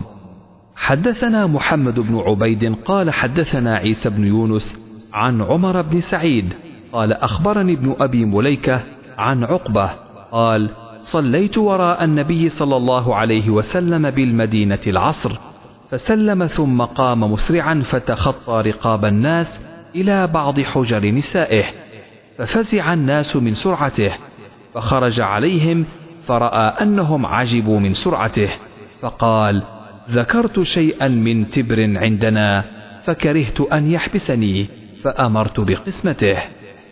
باب الانفتال والانصراف عن اليمين والشمال. وكان أنس ينفتل عن يمينه وعن يساره ويعيب على من يتوخى أو من يعمد الانفتال عن يمينه. حدثنا أبو الوليد قال حدثنا شعبة عن سليمان عن عمارة بن عمير عن الأسود قال قال عبد الله لا يجعل أحدكم للشيطان شيئا من صلاته. يرى أن حقا عليه ألا ينصرف إلا عن يمينه. لقد رأيت النبي صلى الله عليه وسلم كثيرا ينصرف عن يساره. باب ما جاء في الثوم الني والبصل والكراث. وقول النبي صلى الله عليه وسلم من أكل الثوم أو البصل من الجوع أو غيره فلا يقربن مسجدنا. حدثنا مسدد قال حدثنا يحيى عن عبيد الله قال حدثني نافع عن ابن عمر رضي الله عنهما أن النبي صلى الله عليه وسلم قال في غزوة خيبر من أكل من هذه الشجرة يعني الثوم فلا يقربن مسجدنا.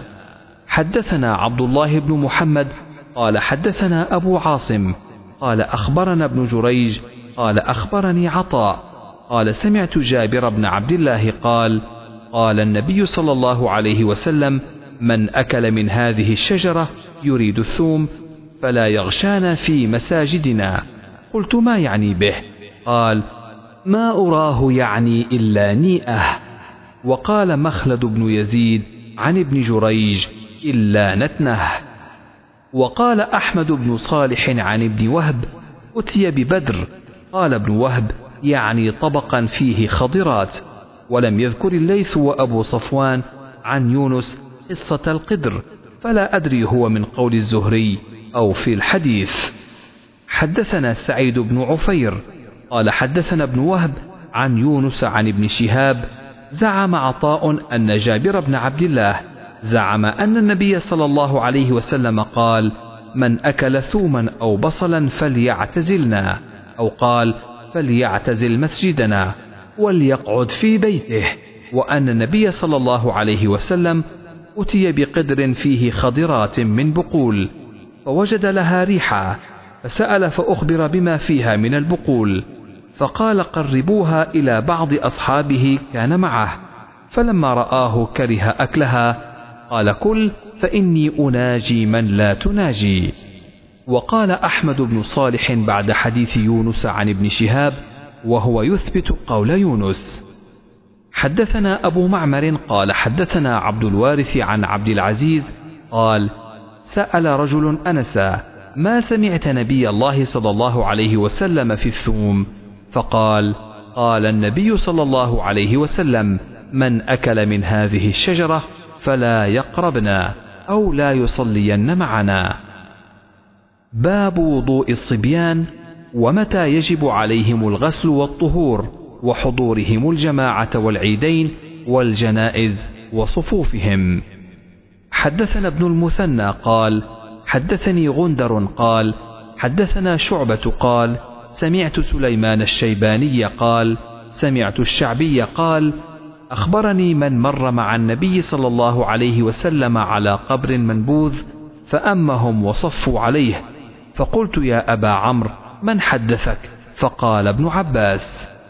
حدثنا علي بن عبد الله قال حدثنا سفيان. قال حدثني صفوان بن سليم عن عطاء بن يسار عن أبي سعيد الخدري عن النبي صلى الله عليه وسلم قال الغسل يوم الجمعة واجب على كل محتلم. حدثنا علي بن عبد الله قال أخبرنا سفيان عن عمرو قال أخبرني كريب عن ابن عباس رضي الله عنهما قال بت عند خالتي ميمونة ليلة. فنام النبي صلى الله عليه وسلم. فلما كان في بعض الليل قام النبي صلى الله عليه وسلم فتوضأ من شن معلق وضوءا خفيفا يخففه عمرو ويقلله جدا. ثم قام يصلي فقمت فتوضأت نحوا مما توضأ. ثم جئت فقمت عن يساره فحولني فجعلني عن يمينه. ثم صلى ما شاء الله ثم اضطجع فنام حتى نفخ فأتاه المنادي يأذنه بالصلاة فقام معه إلى الصلاة فصلى ولم يتوضأ. قلنا لعمر وإن ناسا يقولون إن النبي صلى الله عليه وسلم تنام عينه ولا ينام قلبه. قال عمرو سمعت عبيد الله بن عمير يقول إن رؤيا الأنبياء وحي. ثم قرأ إني أرى في المنام أني أذبحك حدثنا إسماعيل. قال حدثني مالك عن إسحاق بن عبد الله بن أبي طلحة عن أنس بن مالك أن جدته مليكة دعت رسول الله صلى الله عليه وسلم لطعام صنعته فأكل منه فقال قوموا فلأصلي بكم. فقمت إلى حصير لنا قد اسود من طول ما لبس فنضحته بماء فقام رسول الله صلى الله عليه وسلم واليتيم معي والعجوز من ورائنا فصلى بنا ركعتين. حدثنا عبد الله بن مسلمة عن مالك عن ابن شهاب عن عبيد الله بن عبد الله بن عتبة عن ابن عباس رضي الله عنهما أنه قال أقبلت راكبا على حمار أتان وأنا يومئذ قد ناهزت الاحتلام. ورسول الله صلى الله عليه وسلم يصلي بالناس بمنى إلى غير جدار. فمررت بين يدي بعض الصف فنزلت وأرسلت الأتان ترتع ودخلت في الصف فلم ينكر ذلك علي أحد. حدثنا أبو اليمان قال أخبرنا شعيب عن الزهري قال أخبرني عروة بن الزبير أن عائشة قالت اعتم النبي صلى الله عليه وسلم وقال عياش حدثنا عبد الأعلى حدثنا معمر عن الزهري عن عروة عن عائشة رضي الله عنها قالت اعتم رسول الله صلى الله عليه وسلم في العشاء حتى ناداه عمر قد نام النساء والصبيان. فخرج رسول الله صلى الله عليه وسلم فقال إنه ليس أحد من أهل الأرض يصلي هذه الصلاة غيركم ولم يكن أحد يومئذ يصلي غير أهل المدينة. حدثنا عمرو بن علي قال حدثنا يحيى قال حدثنا سفيان حدثني عبد الرحمن بن عابس سمعت ابن عباس رضي الله عنهما قال له رجل شهدت الخروج مع رسول الله صلى الله عليه وسلم؟ قال نعم. ولولا مكاني منه ما شهدته يعني من صغره. أتى العلم الذي عند دار كثير بن الصلت ثم خطب ثم أتى النساء فوعظهن وذكرهن وأمرهن أن يتصدقن. فجعلت المرأة تهوي بيدها إلى حلقها تلقي في ثوب بلال. ثم أتى هو وبلال البيت. باب خروج النساء إلى المساجد بالليل والغلس. حدثنا أبو اليمان قال أخبرنا شعيب عن الزهري قال أخبرني عروة بن الزبير عن عائشة رضي الله عنها قالت أعتم رسول الله صلى الله عليه وسلم بالعتمة حتى ناداه عمر نام النساء والصبيان فخرج النبي صلى الله عليه وسلم فقال ما ينتظرها أحد غيركم من أهل الأرض ولا يصلى يومئذ إلا بالمدينة وكانوا يصلون العتمة فيما بين أن يغيب الشفق إلى ثلث الليل الأول. حدثنا عبيد الله بن موسى عن حنظلة عن سالم بن عبد الله عن ابن عمر رضي الله عنهما عن النبي صلى الله عليه وسلم قال إذا استأذنكم نساؤكم بالليل إلى المسجد فأذنوا لهن. تابعه شعبة عن الأعمش عن مجاهد عن ابن عمر عن النبي صلى الله عليه وسلم. باب انتظار الناس قيام الإمام العالم. حدثنا عبد الله بن محمد حدثنا عثمان بن عمر أخبرنا يونس عن الزهري قال حدثتني هند بنت الحارث أن أم سلمة زوج النبي صلى الله عليه وسلم أخبرتها أن النساء في عهد رسول الله صلى الله عليه وسلم كن إذا سلمن من المكتوبة قمن وثبت رسول الله صلى الله عليه وسلم ومن صلى من الرجال ما شاء الله فإذا قام رسول الله صلى الله عليه وسلم قام الرجال. حدثنا عبد الله بن مسلمة عن مالك حا وحدثنا عبد الله بن يوسف قال أخبرنا مالك عن يحيى بن سعيد عن عمرة بنت عبد الرحمن عن عائشة قالت إن كان رسول الله صلى الله عليه وسلم ليصلي الصبح فينصرف النساء متلفعات بمروطهن ما يعرفن من الغلس. حدثنا محمد بن مسكين قال حدثنا بشر أخبرنا الأوزاعي حدثني يحيى بن أبي كثير عن عبد الله بن أبي قتادة الأنصاري عن أبيه قال قال رسول الله صلى الله عليه وسلم إني لأقوم إلى الصلاة وأنا أريد أن أطول فيها فأسمع بكاء الصبي فأتجوز في صلاتي كراهية أن أشق على أمه. حدثنا عبد الله بن يوسف قال أخبرنا مالك عن يحيى بن سعيد عن عمرة عن عائشة رضي الله عنها قالت لو أدرك رسول الله صلى الله عليه وسلم ما أحدث النساء لمنعهن كما منعت نساء بني إسرائيل. قلت لعمرة أو منعن قالت نعم. باب صلاة النساء خلف الرجال. حدثنا يحيى بن قزعة قال حدثنا إبراهيم بن سعد عن الزهري عن هند بنت الحارث عن أم سلمة رضي الله عنها قالت كان رسول الله صلى الله عليه وسلم إذا سلم قام النساء حتى يقضي تسليمه ويمكث هو في مقامه يسيرا قبل أن يقوم. قالت نرى والله أعلم أن ذلك كان لكي ينصرف النساء قبل أن يدركهن من الرجال. حدثنا أبو نعيم قال حدثنا ابن عيينة عن إسحاق عن أنس رضي الله عنه قال صلى النبي صلى الله عليه وسلم في بيت أم سلمة فقمت ويتيم خلفه وأم سليم خلفنا. باب سرعة انصراف النساء من الصبح وقلة مقامهن في المسجد. حدثنا يحيى بن موسى حدثنا سعيد بن منصور حدثنا فليح عن عبد الرحمن بن القاسم عن أبيه عن عائشة رضي الله عنها أن رسول الله صلى الله عليه وسلم كان يصلي الصبح بغلس فينصرفن نساء المؤمنين لا يعرفن من الغلس أو لا يعرف بعضهن بعضا. باب استئذان المرأة زوجها بالخروج إلى المسجد. حدثنا مسدد حدثنا يزيد بن زريع عن معمر عن الزهري عن سالم بن عبد الله عن أبيه عن النبي صلى الله عليه وسلم إذا استأذنت امرأة أحدكم فلا يمنعها.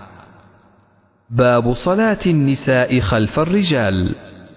حدثنا أبو نعيم قال حدثنا ابن عيينة عن إسحاق عن أنس قال صلى بنا النبي صلى الله عليه وسلم في بيت أم سليم فقمت ويتيم خلفه وأم سليم خلفنا. حدثنا يحيى بن قزعة حدثنا إبراهيم بن سعد عن الزهري عن هند بنت الحارث أن أم سلمة قالت كان رسول الله صلى الله عليه وسلم إذا سلم قام النساء حتى يقضي تسليمه وهو يمكث في مقامه يسيرا قبل أن يقوم. قالت نرى والله أعلم أن ذلك كان لكي ينصرف النساء قبل أن يدركهن الرجال. باب من قال في الخطبة بعد الثناء أما بعد. رواه عكرمة عن ابن عباس عن النبي صلى الله عليه وسلم. وقال محمود حدثنا أبو أسامة قال حدثنا هشام بن عروة قال أخبرتني فاطمة بنت المنذر عن أسماء بنت أبي بكر قالت دخلت على عائشة رضي الله عنها والناس يصلون. قلت ما شأن الناس؟ فأشارت برأسها إلى السماء فقلت آية. فأشارت برأسها أي نعم؟ قالت فأطال رسول الله صلى الله عليه وسلم جدا حتى تجلاني الغشي وإلى جنبي قربة فيها ماء ففتحتها فجعلت أصب منها على رأسي. فانصرف رسول الله صلى الله عليه وسلم وقد تجلت الشمس فخطب الناس وحمد الله بما هو أهله ثم قال أما بعد. قالت ولغط نسوة من الأنصار فانكفأت إليهن لأسكتهن. فقلت لعائشة ما قال؟ قالت قال ما من شيء لم أكن أريته إلا قد رأيته في مقامي هذا حتى الجنة والنار. وإنه قد أوحي إلي أنكم تفتنون في القبور مثل أو قريب من فتنة المسيح الدجال. يؤتى أحدكم فيقال له ما علمك بهذا الرجل؟ فأما المؤمن أو قال الموقن شك هشام فيقول هو رسول الله ومحمد صلى الله عليه وسلم جاءنا بالبينات والهدى فآمنا وأجبنا واتبعنا وصدقنا فيقال له نم صالحا قد كنا نعلم إن كنت لتؤمن به وأما المنافق أو قال المرتاب شك هشام فيقال له ما علمك بهذا الرجل؟ فيقول لا أدري. سمعت الناس يقولون شيئا فقلت. قال هشام فلقد قالت لي فاطمة فأوعيته غير أنها ذكرت ما يغلظ عليه. حدثنا محمد بن معمر. قال حدثنا أبو عاصم عن جرير بن حازم. قال سمعت الحسن يقول حدثنا عمرو بن تغلب أن رسول الله صلى الله عليه وسلم أتي بمال أو سبي فقسمه فأعطى رجالا وترك رجالا فبلغه أن الذين ترك عتبوا. فحمد الله ثم أثنى عليه ثم قال أما بعد فوالله إني لأعطي الرجل وأدع الرجل والذي أدع أحب إلي من الذي أعطي. ولكن أعطي أقواما لما أرى في قلوبهم من الجزع والهلع. وأكل أقواما إلى ما جعل الله في قلوبهم من الغنى والخير. فيهم عمرو بن تغلب. فوالله ما أحب أن لي بكلمة رسول الله صلى الله عليه وسلم. حمر النعم. تابعه يونس. حدثنا يحيى بن بكير قال حدثنا الليث عن عقيل عن ابن شهاب قال أخبرني عروة أن عائشة أخبرته أن رسول الله صلى الله عليه وسلم خرج ذات ليلة من جوف الليل فصلى في المسجد فصلى رجال بصلاته فأصبح الناس فتحدثوا فاجتمع أكثر منهم فصلوا معه فأصبح الناس فتحدثوا فكثر أهل المسجد من الليلة الثالثة فخرج رسول الله صلى الله عليه وسلم فصلوا بصلاته فلما كانت الليلة الرابعة عجز المسجد عن أهله. حتى خرج لصلاة الصبح.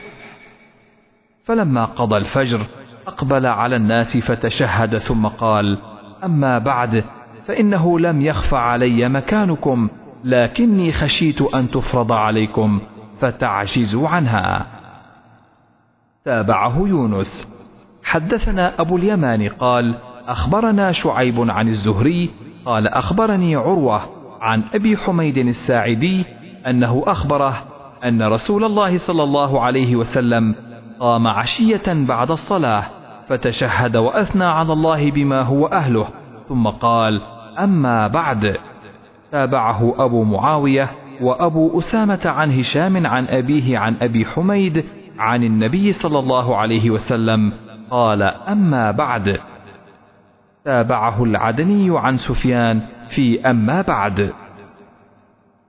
حدثنا أبو اليمان قال أخبرنا شعيب عن الزهري قال حدثني علي بن حسين عن المسور بن مخرمة قال قام رسول الله صلى الله عليه وسلم فسمعته حين تشهد يقول أما بعد تابعه الزبيدي عن الزهري حدثنا إسماعيل بن أبان قال حدثنا ابن الغسيل قال حدثنا عكرمة عن ابن عباس رضي الله عنهما قال صعد النبي صلى الله عليه وسلم المنبر وكان آخر مجلس جلسه متعطفا ملحفة على منكبيه قد عصب رأسه بعصابة دسمة.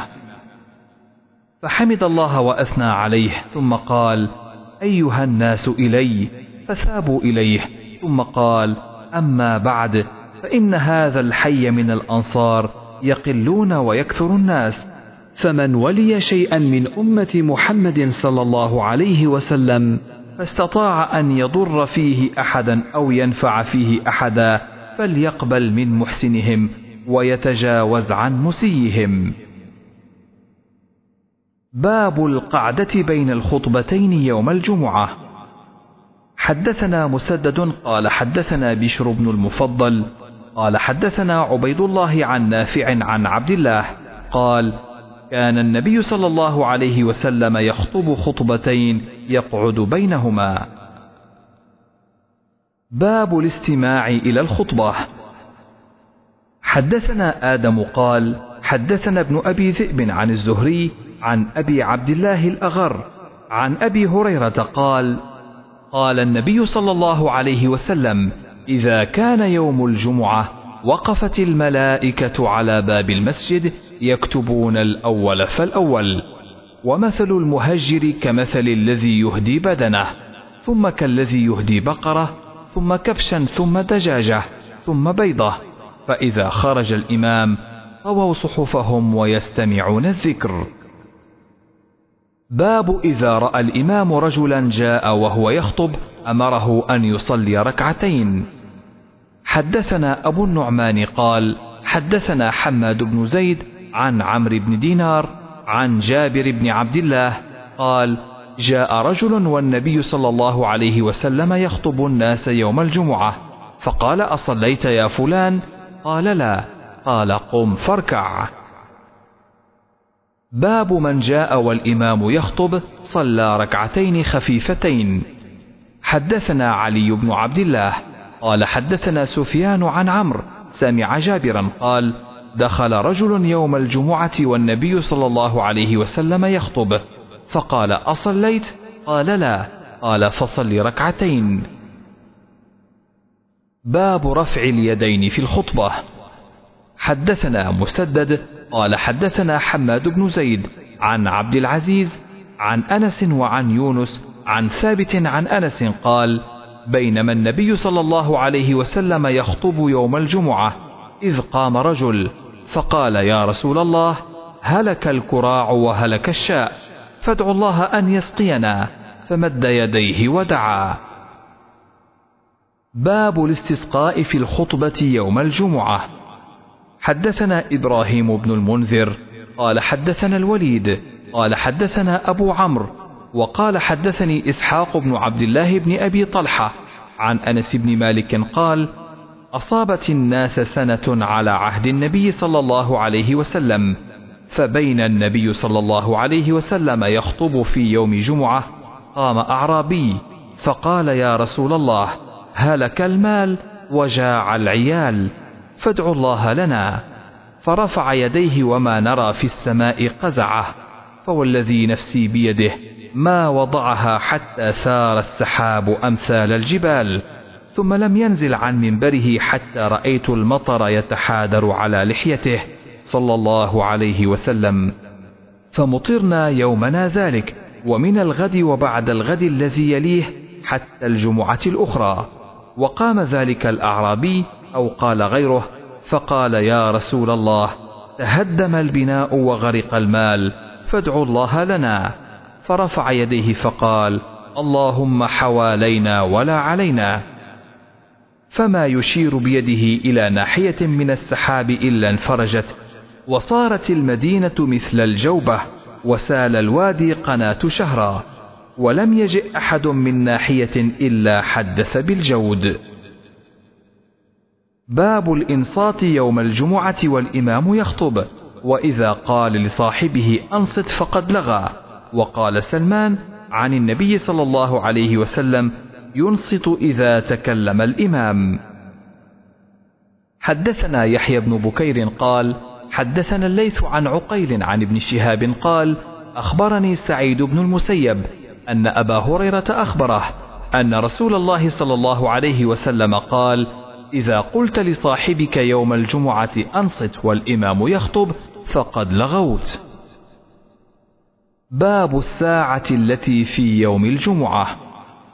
حدثنا عبد الله بن مسلمة عن مالك عن أبي الزناد عن الأعرج عن أبي هريرة أن رسول الله صلى الله عليه وسلم ذكر يوم الجمعة فقال: فيه ساعة لا يوافقها عبد مسلم وهو قائم يصلي يسأل الله تعالى شيئا إلا أعطاه إياه وأشار بيده يقللها. باب إذا نفر الناس عن الإمام في صلاة الجمعة فصلاة الإمام ومن بقي جائزة. حدثنا معاوية بن عمرو قال حدثنا زائدة عن حسين عن سالم بن أبي الجعد قال حدثنا جابر بن عبد الله قال بينما نحن نصلي مع النبي صلى الله عليه وسلم إذ أقبلت عير تحمل طعاما فالتفتوا إليها حتى ما بقي مع النبي صلى الله عليه وسلم إلا اثنا عشر رجلا فنزلت هذه الآية وإذا رأوا تجارة أو لهوا انفضوا إليها وتركوك قائما. باب الصلاة بعد الجمعة وقبلها. حدثنا عبد الله بن يوسف قال أخبرنا مالك عن نافع عن عبد الله بن عمر أن رسول الله صلى الله عليه وسلم كان يصلي قبل الظهر ركعتين وبعدها ركعتين وبعد المغرب ركعتين في بيته وبعد العشاء ركعتين وكان لا يصلي بعد الجمعة حتى ينصرف فيصلي ركعتين. باب قول الله تعالى فإذا قضيت الصلاة فانتشروا في الأرض وابتغوا من فضل الله. حدثنا سعيد بن أبي مريم قال حدثنا أبو غسان قال حدثني أبو حازم عن سهل قال كانت فينا امرأة تجعل على أربعاء في مزرعة لها سلقا فكانت إذا كان يوم جمعة تنزع أصول السلق فتجعله في قدر ثم تجعل عليه قبضة من شعير تطحنها فتكون أصول السلق عرقة وكنا ننصرف من صلاة الجمعة فنسلم عليها فتقرب ذلك الطعام إلينا فنلعقه وكنا نتمنى يوم الجمعة لطعامها ذلك. حدثنا عبد الله بن مسلمة قال حدثنا ابن أبي حازم عن أبيه عن سهل بهذا وقال ما كنا نقيل ولا نتغدى إلا بعد الجمعة. باب القائلة بعد الجمعة. حدثنا محمد بن عقبة الشيباني قال حدثنا أبو إسحاق الفزاري عن حميد قال سمعت أنسا يقول كنا نبكر إلى الجمعة ثم نقيل. حدثنا سعيد بن أبي مريم قال حدثنا أبو غسان قال حدثني أبو حازم عن سهل قال كنا نصلي مع النبي صلى الله عليه وسلم الجمعة ثم تكون القائلة.